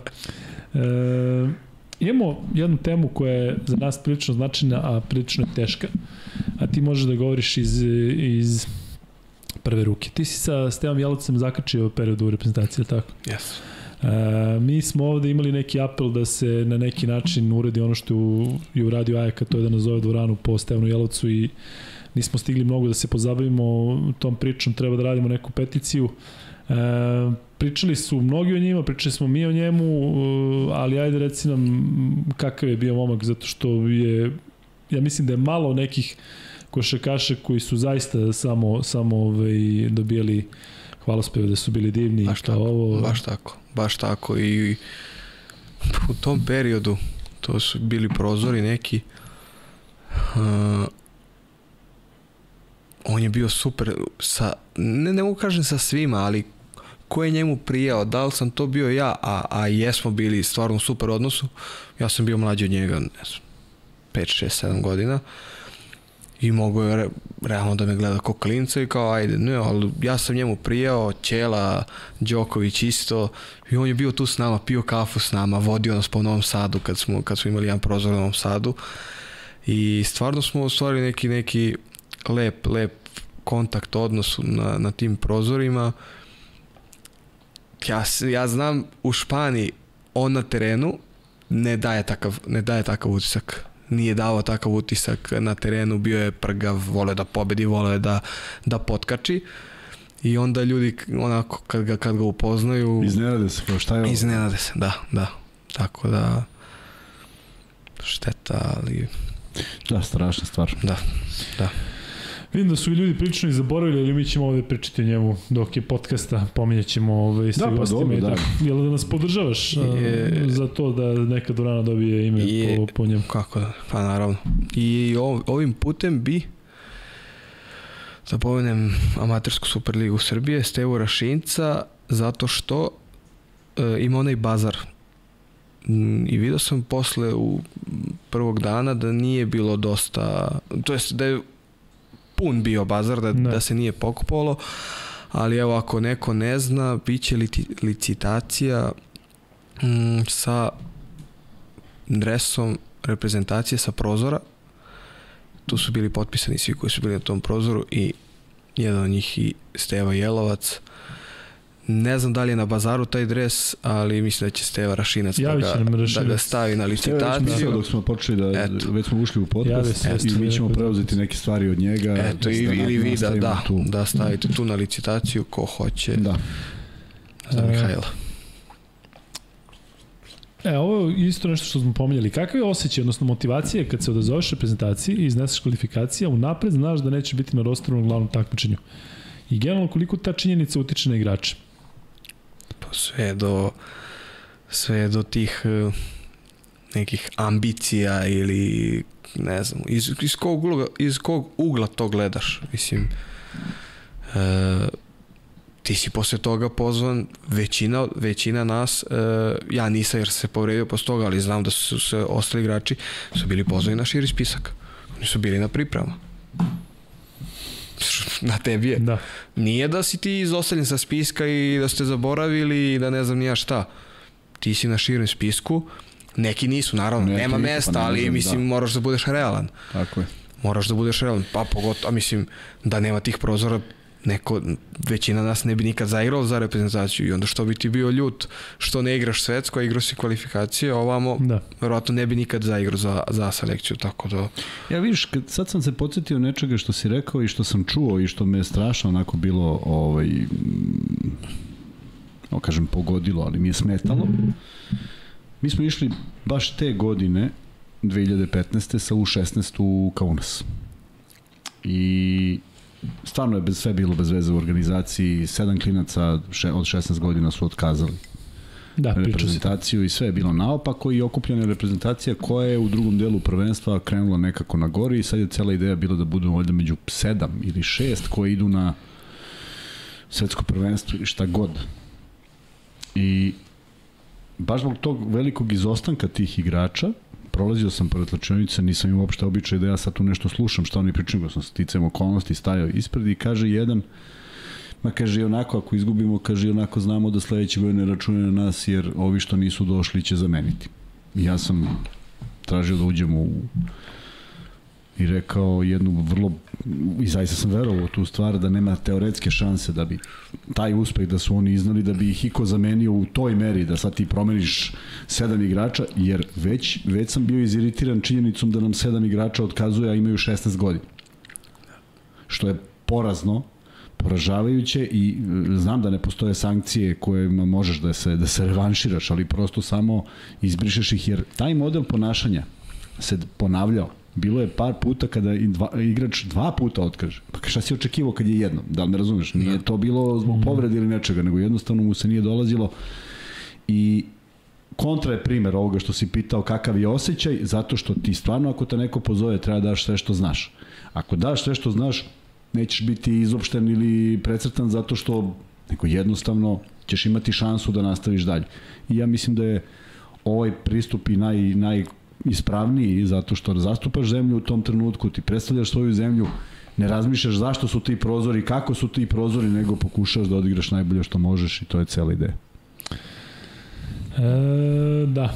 Mm, Stefane, pitaju te za planove o daljoj karijeri, ništa se za sada ne zna, tako čeka se još, ima vremena, da, ti prija malo duž, duži, duže pauze između. Pa, pa iskreno da prija, da. da, da. ne, rano još, pa rano još, 12. Da, jun, 14. će biti kasno, 14. je panika. Da. pa da, pa, pa dobro, sad se počinje, ajde kao, sad lige se završavaju polako i vidjet ćemo, nadam se uskoro, što ranije to bolje. Budeš jest, miran onda ostatak leta. Jest. Piti opet, da li bi prihvatio nešto ovde u regionu, ABA Liga, te to privlači, kod kuće si, ili ima nekih... E, pa ja, s obzirom da nikad, nikad nisam igrao ovde, seniorsku, privlači me. S te strane me privlači. S drugih nekih strana me ne privlači da dolazim ovde. Pa vratiš se bre u neizvesnost bre. Pa kao što je uvek bilo, pa fenomenalno. pa da. Ali nema, ne, naravno da bi, pa, mislim, pa nije naša liga slaba. Ne, ne, ne, mislim da je slaba daleko znači, toga. to je ozbiljan nivo i ozbiljan, ozbiljni su klubovi i ja jednostavno nisam dobio poziv. Ja ne da. mogu da, da, ja nisam odbio. Nisam Imate odbio dva da se vratim. Da, da, da, da. nisam odbio nikog, tako da sve je otvoreno, sve je moguće. Da li se sećaš debija za repku? Smo ovde kaže KG Soul da je to 2019. godina Austrija, to jest? Jeste, tu se raspo, a onda Gruzija bila dobra, dva dana posle. To Avram kad je dao trojku? Ne, Aust ne, to je bila Austrija. posle, o, to je bilo to je u Austriji. A, u Austriji. Ovde je tako. Ovde je bila Austrija pa, pa Gruzija. Gruzija tam, tako? Ne. Ovde je tako? Kući, u Pioniru, da. Je bio neki egal tu? Jeste. Tako? Jeste, jeste. Da. Tek smo se odlepili 2-3 minuta do kraja tek. E, rekao, je, rekao je, raspao se, raspao se, a u drugoj nije. nešto. Tako? Jeste, jeste, nešto. Da, da. da. E, dobro. E, ima još pitanja, ima još e, komentara mnogo. Hoćemo da, da, da ograničimo ovo 23.18 da guramo do 12, da, Kuzma? Ti to okej? Okay? Do 11.57. Da, to Stefi ok, to ako smo izgubili 2 sata 20 minuta još Može i Denver, ajde kad. Da, Udobne da, svoje stolice, ovo ovo. A, može da još malo, da slobodno se. Kaže ti mikrofon. Mi kako pričamo ti dremi, zatvori oči na par sekundi. E, dobra fora od Leksi kaže priča se da Ante Tomić i dalje stoji na sredini terena, nije čuo kraj himne. Pa jeste, ono je genijalno bilo. Kad stoji, stoji, stoji. Kakva fora. Hoćemo Kuzma neki free bet. Imamo one Ajmo Knežak prvo, ajde prvo ajde, Knežak. Prvo Knežak. A šta ćemo za Knežak? da bude one naši, naši U. Čekaj da nađem neki Samo moraš Štefi da počneš. Štefi, znaš da ukucaš one, one Čekaj imaš tamo, da imaš na grupi, bre, danas smo 10 izbacili različite. Gde smo izbacili? Pa bre, na e, zove me ovaj, čekaj, zove me neko. Pa zove te ovaj da donese hranu, tako. Pa, kako me zove s fiksnog, je? Šta je možda, možda je dole, znaš, možda je jedan od restorana dole u, u prizemlju. E, Stefane, dok si još tu, ajde moramo neizbežno je pitanje, ipak je red. Um, sutra počinje to finale ABA lige, a evo zakačili smo malo pre tu temu. Koliko pratiš, koliko ćeš uh, pratiti, koliko sve ovo što se dešava van terena utiče na, na tvoju želju i motiv da, da sve to onako malo i navijački, malo i drugarski. Znamo koliko imaš drugara, koliko imaš ovaj, svega, jedva čekaš kako pa, je to. Pa, iskreno jedva čekam. Jedva da. čekam zato što ja i Lazarević moramo na more, rezervisali smo. pa, Stvarno, Nije. ali jeste, ali, ali sve ok, u, ter, da, da, u terminu smo, da, da. sve, sve stižemo. Uh, ali, ali naravno da jedno čeka, mislim, to svi čekamo. Jedino što, što ajde, pročulo se malo, pročulo se nije ništa zvanično da će obe ekipe igrati Euroligu, tako da kao Mislim, možda i dobro, možda se smanje Trebalo tenzije. da bude ležernije, da. Da, da bude malo ležernije. E, ma ništa, samo nadam se da će bude lepa košarka za oko, da će biti mnogo lepih poteza i nek bolji pobedi. To je to od mene. Da, gledat ću, gledat ću svako. Ovo je naj, naj ono da, da. odgovor, vidiš kako da, ali da, tako smo očekali, nismo hteli da bude neka ne, tačne nešto, ali ajde malo da pričaš o Stefanu. E, njegova sezona, rekao bih, ispod očekivanja, verujem da je njemu najteže zato što nije možda dobio šansu i nije iskoristio to kako su mnogi očekivali. Čini mi se nekako da je, nažalost, možda sve manje strpljenja za, za, za Stefana Lezarevića. On, ono što sam ga jednom upoznao, zaista deluje kao fantastičan momak i kao neko ko je potpuno na mestu, koji je onako sa obe noge na mestu i um, ajde priča malo njemu. Pa, ja znam da svaki navijač hoće da svaki igrač da 20. Iako ne da 20, da. to ti navijači gledaju. E, što bi ovaj Spolstra rekao, hmm šta je untrained eye, ali tako rekao? Da, Onaj, da, za, da, za, da, e, da, da. Pitala da li skoro. Ja znam da Lazarević od U16 kad smo se i upoznali e, i do dan danas kod svakog trenera a menju ih je u FNP-u na tri meseca i u Zvezdi, u reprezentacijama i svuda, igra 25 plus minuta kod svakog trenera. I on šta donosi ekipama, to se ne vidi u statistici. Jednostavno se ne vidi. E, I nije da ga brani zašto je najbolji drug, ali stvarno je tako. Da li treba da šutira više? Da li treba da uzima? Verovatno treba. Da li mu je Duško tražio? Ne znam. Možda da, mu Duško da. ne traži. Možda... Jel Zvezda pobeđuje? Pobeđuje. Ako sad osvoje... Jeste, nema šta, šta tu. Šta, šta, šta, nisu... Tako da... E, i stvarno, evo, on je išao na, na ono prvenstvo sa, bez treninga. Polomio obe ruke, ali on je išao jer on šta donosi ekipi, to stvarno i, i vidim da donosi i ovo ekipi Zvezde. Ima i svoje minuse, naravno, ali, ali ono što on donosi ekipi, ne, ne, a pratim dosta njihove utakmice, e, ne znam da li bi neki drugi igrač mogao da, da, vidi, da popu... Ne vidi, ne vidi, pa, ne vidi. Dakle, ta energija, ne samo I, ja to razumem, to mislim, ja to razumem. Nije atraktivno. I, I ja to razumem i, i pričali smo dosta puta i, mislim, ima, ima ugovor, znači da ga žele, ima minute, znači da nešto dobro radi, e, kad to ne bude bilo dobro, neće igrati, prosto je, kad ne bude bilo dobro za zvezdu, negde drugde će raditi to šta navijači hoće, da li imaju strpljenja, da li nemaju, to, je, to su njihove želje. Jedno je da, da, da njega treneri stvarno nekako poštuju, vole njegov, e, njegov rad, te, mislim, i, i kroz šta je prošao, on je bio ja sam bio 16 meseci, a on je, ja mislim, bio dve godine. Da. Možda i više od dve godine. Tako da nije ni njemu lako, verujte mi. Just ali ovaj, ja sam preponosan na njega. Stvarno posle te povrede i svega i toliko godina FNP-a i FNP i FNP i FNP i kao pripreme zvezda, pa ajde FNP opet. Dve godine Euroliga za redom, stvarno, stvarno sam pre, pre ponosan na njega i nek samo nastavi da, da radi to što radi. o tome kako bi volili ponovno da igrate zajedno negde u klubu. To je bilo jesmo, neki... Jesmo, da, jesmo, jesmo, baš dosta da. puta. I da, Um, pitaju, pošto si play, možeš da nam kažeš neku svoju omiljenu akciju? Voliš nešto da postavljaš? Govorimo o ovim nekim najosnovnim. Da, UCLA za low, na low post da ode. E. Kad je neki niži. To čekam celu utakmicu. Ima i ona akcija da. Sloniti. Da, da. Ajmo kao svi dole. Znaš Kuzma UCLA kako izgleda? Ne znam. A, ukla, ukla. Ukla za naše ukla. Ukla kat. Ukla kat, Pusti tako se play dole da igra. Ukla kat smo zvali. Sa 45 da. stepeni. Ako smo pazi ovo. Evo, evo, a?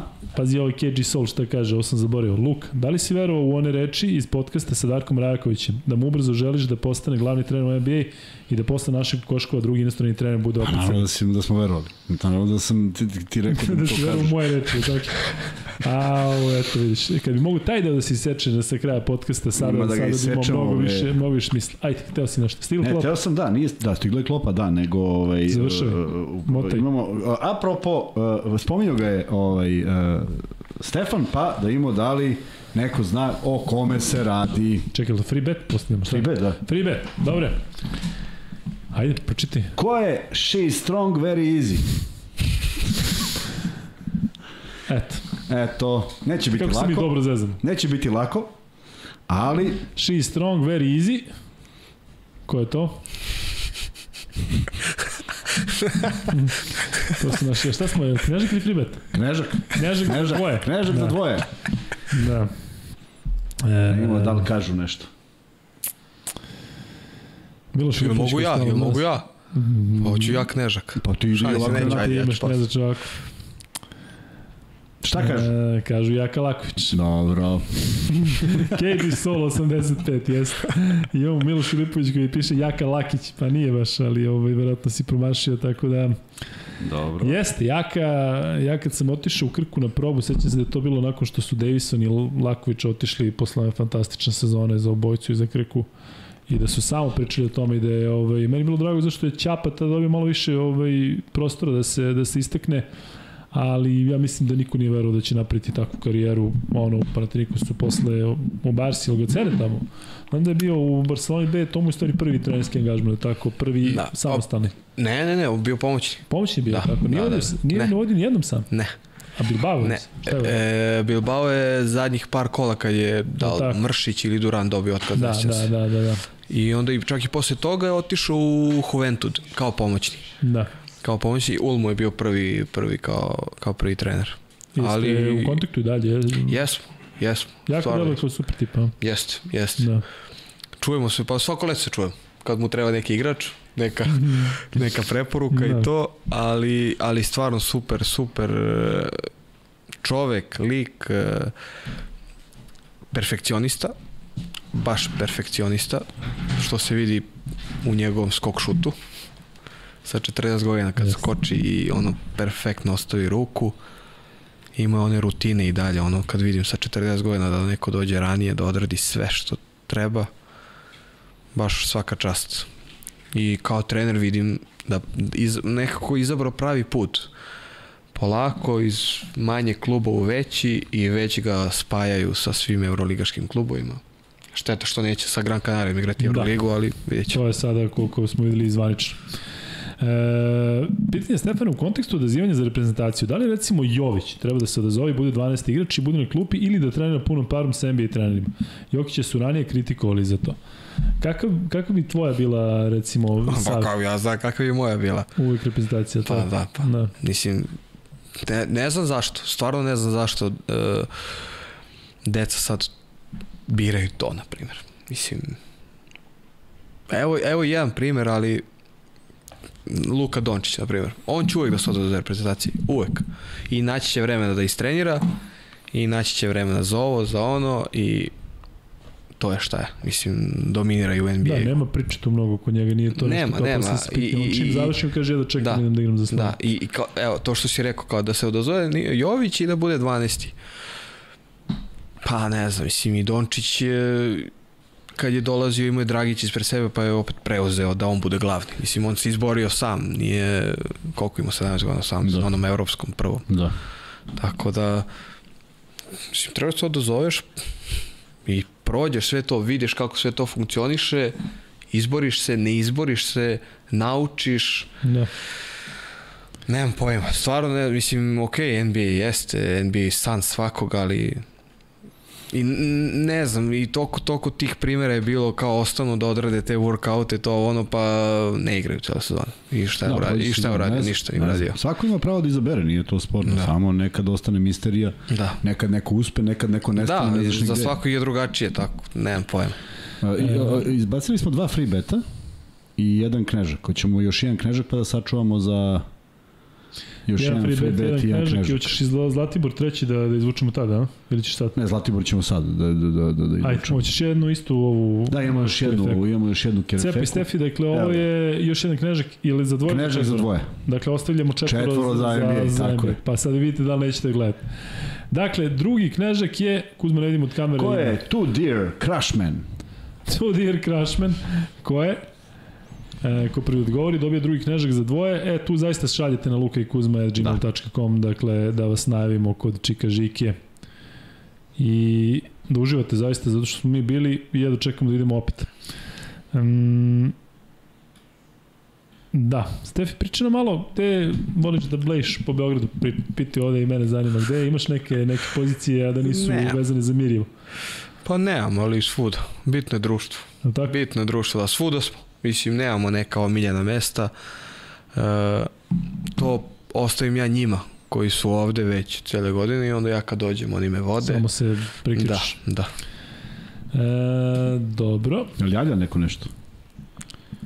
Ništa, a? Pa da li smemo da prihvatimo Drobnjak bez imena? Uroš Petrović je odgovorio samo Drobnjak, a posle Boris Božović je odgovorio Predrag Drobnjak. Pa, Drobnjak je rešenje.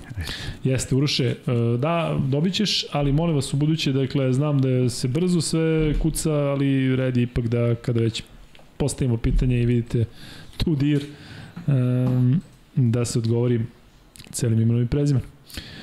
E, Stefane, ajde, još malo ćemo pitanja, pa zaista toliko ih ima i toliko možemo da pričamo u nedogled, ali ajde, kada već pominješ Dončića, kako je čuvati? Je li zaista i tada bio toliko dominantan kao što delo da se sad u NBA ligi igra u smislu te visine, snage, posebno u tom periodu kada ste bili mlađi? On je koliko? Dve, uh, godinu da Dve godine. Dve godine, dve godine mlađi. Uh, tim mlađim kategorijama nije bio dominantan fizički, nije bio dominantan fizički, ali je imao sve nekako. On nije dao 30, a 15, 10 skokova, 10 asistencija, triple-double, ali u seniorima kad smo igrali, tu je već počeo, tu je već, mislim, on iz leta u leto, svaki sezon kad ga vidim, njemu je glava sve veća, ramena su mu šira, šira da. a neverovatno kako yes. to, kako se on, kako on rastao, svako leto sve veći i veći bio. I onda smo došli do, do seniora i tu sam video u stvari da on nije spor. Prvo što nije spor, drugo što tu uvek uhvati na krivoj nozi. Ali to je nevjerojatno, da li on to zna ili samo to tako i ne znam. Radi, znači, radi u, glava ti si, i da, čita, ti si uvek nekako na petama i uvek si nekako na krivoj nozi, ali nevjerovatno i to nije neka brzina Da. Dobro, da ne, ne Oladipo, da. ali to, da, da on proveri. Nego malo po malo, malo po malo, malo po, on je tu već na 3 metra i tu onda ide finta, jedna, druga, treća, op. Tako da... Jeste, Miloš Ilipović je odgovorio prvi, izvinjam se, Miloše, dakle ti si pre Uroša, tako da ovo Uroša od Drobnjak se i ne računa. Miloš Ilipović koji prvi. Uroš, koji Uroš? Gasi, ima ga, banuj ga, znaš, šalimo se Uroš. Blokada ovo. E, Miloš e, je već dobio, čini mi se, tako da šalješ na lukajkuzme.gmail.com. Ovo je meni zanimljivo pitanje, postavlja ga e, MM. Mišljenje kao playmaker o Vasi Miciću u NBA ligu. NBA ligi. Da li je spreman, da li treba da ide, kako vidiš to? Pametno što nije otišao ako nije dobio obećane minuti. To u NBA-u ide stvarno tako, nije kao u Evropi da se boriš. U NBA-u ti si projektovan tako ili, ili, to ili si projektovan ili nisi. nisi. Verovatno nije dobio sigurnost i tu neku projekciju i zato nije otišao. Ako bude otišao, znači da, da je dobio. Da, se, da je postigao dogovor. Da, da je postigao i da će to, i to onda mora da bude dobro. Mislim, bit će, verovatno. Um, Meni su i dalje, mi često pričamo o nekim igračima koji nisu uspeli i onda nam uvek ostaje ali, misterija da, čega. ali će se uh, ako dođe do toga da se dogovore da on bude prvi play, onda će se graditi oko njega i to mora da uspe, makar oni bili zadnji. A ako se ne napravi, on verovatno neće ni otići, ja da. mislim. Tako da vidjet ćemo. Neko se ovde prisjeća i kaže Dončić vrsi za Ranitović u 18 Euro Liga Real Zvezda kakva tek. Pa to je verovatno Ranitović napisao, pošto on uvek podsjeća kako mu je dao 30. Nema ko drugi kao. to je Sani, Sani. njega u Litvani. E, nisam, on je bio pre, godinu pre u Da, Da. Da. E... Ali koliko je Ranitović bio brz, majko moja. Pa futbaler. Pa da. Kako je on izlazio iz bloka, kako je on tražio rešenja, kako stvarno šteta sa, sa te dve povrede. Ide... Koliko mu, I koliko njemu futbal, na primjer, pomaže u u kradenim loptom, u krađi lopti, a kraće ruke nisam vidio u životu. Mislim, zna i on da ima kratke ruke. Ali to neko postavljanje u, u odbrani, da, pošto je bio štoper to i stalno ima kradene lopte. A rukice, ono, ali nevjerojatno. Zna Kuzma kako je to kad se pređe sa futbol na košu. Da, znaš kako se kao i familija. Da? e... A i prodavo je. Jer ja centar šut ovog nema u, u reketu. A ja tam na krilu. Ja tam na krilu ubacio. E, Mihajlo pita da li razmišljaš o životu posle igračke karijere i kako gledaš na to? Jel priželjkuješ još si naravno premlad za tako nešto, ali jel te nekada priuči to kao, vrati, kad ću moći da radim sve ovo što rade ljudi tokom cele godine, a ne samo leti? Pa desi se kako da se ne desi. Dosadi nekad košarka, ali onda se setiš kao, pa dobro, šta bi mogo da radiš? Pa ništa, aj igraj. Da. igraj malo, da, da, igraj, čuti. I to je to. Ali da, je da ček kupim konja. to moram, to moram da ostvarim sebi. Konja da kupiš? Da, trkač. Ne znaš od koga možda kupiš jednu? Ne, ali neću te, neću Neću te te. kasače, on ima kasače samo. Nego koji? Za Galopere, pa galopere, galopere. A. Galopere. Pričali smo pre početka, ajde na malo Da. priče o tvojoj ljubavi prema konjičkom A sportu. mislim, nije to, sigurno nije ni blizu Da, I da li imaš jednu kod kuće? da. kao, ne, U dvorištu. nije ni blizu kao što on, kao što on ima tu ljubav i da se razume u to i, i sve, ali ja sam da od malena išao na, išao na hipodrom, na te trke. Pa i sad si nam rekao da si bio na hipodromu. Sad sam, da, pa i Da, sad sam uvatio, uspeo sam da, da odem. Da li je pobedila brza fotografija? E, nije. Slušaj si Šalim mlad, se, slušaj si mlad za brzu da. fotografiju. Neki nije, Crtani da. kretenski, Miki Šiga. Da. Ali pre Ali vremena. Mnogo vremena. Da. 49. Da. E, pričam još malo, e, je li to nešto što misliš da je izvodljivo? Jel, e, E, na kom pa, nivou? U smislu, gal, gal, galoperi su prilično skupi, ako govorimo o Pa nekom da, i verovatno je bilo to. Ja ga kupim i verovatno mi Boro da, da ga stavim u nečiju štalu, u neči, ne, nečiji trener, ne, tako da sve to skupo, ali ja bih voleo. Stvarno bih voleo da bacim pare na to. Ne bi, vidi, baš ne bi onako- teško palo, a? ne bi, da, ne bi teško. Ne bi ti malo baciti. Odgovaraju, Ne, već me sad Od odgovaraju od toga. ali ja se nadam da ću, da ću jednog dana A imati, dobro, ko zna gde ćeš svog. živeti, imaćeš možda i neke Da. mogućnosti koje se otvaraju po tom U pitanju. Nemačkoj je baš, baš Sigurno, dobar i da. razvijen hipodrom. Vidim da, da ovaj Miller stalno pravi snimke i svoje neke štale, ovaj, kako zove Miller? Thomas Miller, futbaler Bayern. Aha, On aha, često eto. ide i snima konje Eto. i ostalo. Ima nešto sve svoje. Tope, nemoj da se ljutiš, ali to ne mogu da pročitam. E, pitaću ga možda posle. E, šta misliš, da bi se bolje snašao u Partizanu ili Zvezdi u smislu koji stil košake ti je bliži? Kao Ali ima trenutni? Da. Nemam pojma. To nije, ne znam. Pa, pre bi igrao za Partizan. Da. Pojma. E, kako je mišljenje o Kampacu i to pitaju isto? Šta ti priča o Kampacu? Pa, mislim... Kampacu, mislim, to što Jeste radi. nešto To je on. zakačili si igrao protiv njega? Igrao sam kad je bio u Mursi. On je tad bio u Mursi. Mursi na pozemici, da, i strašan. Strašan je bio tad zato što je mali, a ruke su mu do poda u stvari. Da. I on možda zakuca. Ne znam da li i dalje može. Tad je, Može, u Mursi je na- zakucavao. Na zagrevanju se U dešava. Mursi je zakucavao, on ukrade loptu i U igri, zakuca. Da, da, da, u igri je zakucavao u Mursi. A krade lopte zato što ima te ruke. Brz Da, je, da. pre svega brz, Da, da, i ne, vidi, da. ne vidiš ga. A ruke mu do poda i onda je za, ne, baš je nezgodan. I čvrst. I čvrst, to je ono što je kod Čvrst, njega da, i da, da, da. najfantastičnije. Ma ne da. može ga ugura niko ono što je. Ne, ne, ne, Stane kako- za bode da, da, da, se i pa ti da, si u pa problemu. da. Da, pa mislim, sad pričaju, vidio sam da čitam, pri- pričaju da je najbolji koji ikad kročio ovde, ali dobro, to je...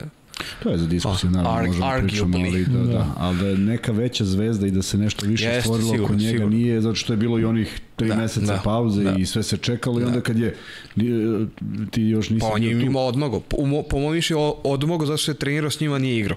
Ma, između ostalog da, bio je u tom periodu i sigurno. problem, navikao se da igraš, nije odjednom navikneš se nema na lopte. treningu i nema ga, da. Ali, ali nisi bio tu. Uh, Ja mislim da su narednih pet utakmica gde god je igrao, ljudi dolazili samo da gledaju njega. Da, da, da, bile pa pune da, dvorane pa da, svuda. pa da. Baš zbog tog tih tri, i po- tri meseca čekanja, šta Da, će da se da, desi. Mislim da. da. je on imao opterećenje da igra posle toga, on je sad da. očekivao Da. Da.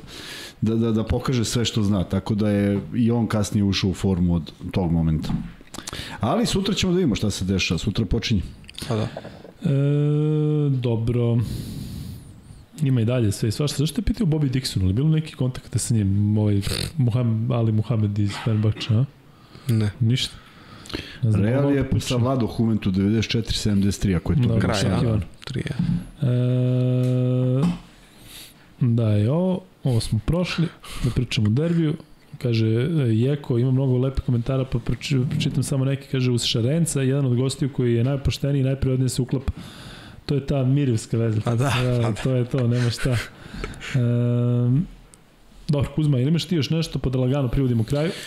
Reali? E, ne, Neće meni je možda se drago- zahvaljujemo, dakle, Da, ne, meni je drago što, što smo se ispričali ovako i što smo uspeli da, da, da, da te dovedemo u goste, zato što uh, svi 90% gostiju koji su bili iz nekog mog vremena ili ljudi koji su oko ili moji savremenici, tako da si jedan od prvih koji je baš onako u jednoj novoj generaciji, a eto imali smo te kontakte kroz reprezentaciju koji su meni ostali u sećanju, a vidim da se i ti prisetio tih stvari jer su zaista onako nešto što, što, što i sam kažeš važno za svakog igrača da bude da. deo te priče, da, da. da bude među najboljim. Mene uvijek oduševljavao Gliša, mali, koji kaže kako neko odbije da bude među 12 najboljih. I da. to je ono što uvijek ostane misterija, kako neko nađe neki drugi put i šta mu se, volao bi da pratim šta mu se dešava u karijeri. Jest. To je ono što što mislim da kad jednom to uradiš da prosto ne može da se vrati na dobro. I vrlo malo je slučajeva bilo da je neko prošao bolje. Da, da, da.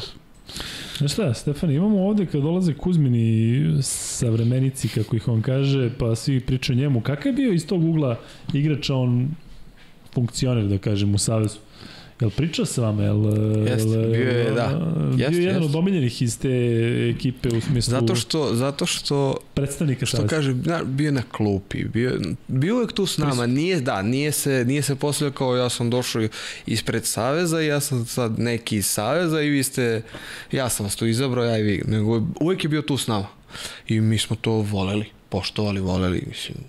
Da, vidi se, ovi igrači koji, s kojima i dan danas ima kontakt, Nažalost, neki nisu u mogućnosti da dođu zato što non stop igraju. Da. Ali ovaj, e, bilo bi mi drago da čujemo još tako neke anegdote, da neko ispriča kako je Prvo to. Prvo ću ja da ih sačekam, da, da, pa da dogovorimo, da se dogovorimo kao sa da, Stefanom. Da, da, ovih dana. Kao slučajno, kao slučajno, da. E, da li pratiš još neki sport sem košarke? Uh, trke konja. Da, da, to. se ne. A pratim sve, uvek ima nešto da se gleda. Futbol, koliko gledaš? U periodu dok si bio u Barsi jeste ono išli da gledate za šest godina sam bio dva puta na futbolskoj utakmici i to jednom kao navijač Arsenala. da. Znači nema te Sramota. veze između... A ima, ima, ima veze, nego ja ne volim na stadionu da sedim, više volim da legnem kući na kauč sa nekim integralnim keksom i... I gledaš. Da. Integralni smoki. I vidiš sve i čuješ sve. Da. E, spremili smo ti jednu majičicu. Čekaj, ima jako lep poziv ovde. Uh, moram da mu pročitam, da šta, šta se otvara naš, Ajde. naš podcast. Ajde. Žarko Vuković, to sam video, samo ne mogu zato što mnogo ima i pitanja i svega i svačega. Uh, te poziva Ajde, evo ga, Peno, imaš otvorni poziv za izlet na planinu Stolovi, gde ima najveći krdo divljih konja. Eto, ako ti kada negde ovaj, zadesi put. Ponesi laso i, i navataj konja. Navataj galopera je. I onda Nezap, za nezaposlen sa video za vikend odmah. da. dakle, planina stolovi, Žarko Vuković, tako da Žarko javi nam se stvarno na, na ovaj, pa ćemo povezati ako bude prilike i ako je Stefano prolazu, što da ne. E, spremili smo ti jednu majičicu, nadam se da ćeš imati prilike da je nosiš u svom budućem klubu, gde je god to bilo. Hoću sigurno. Kuzma ti je dao najveći broj XXL, ne znam da. zašto, vratno ovo što si pričao. Da, o hrani. Ovo je stvarno 3XL.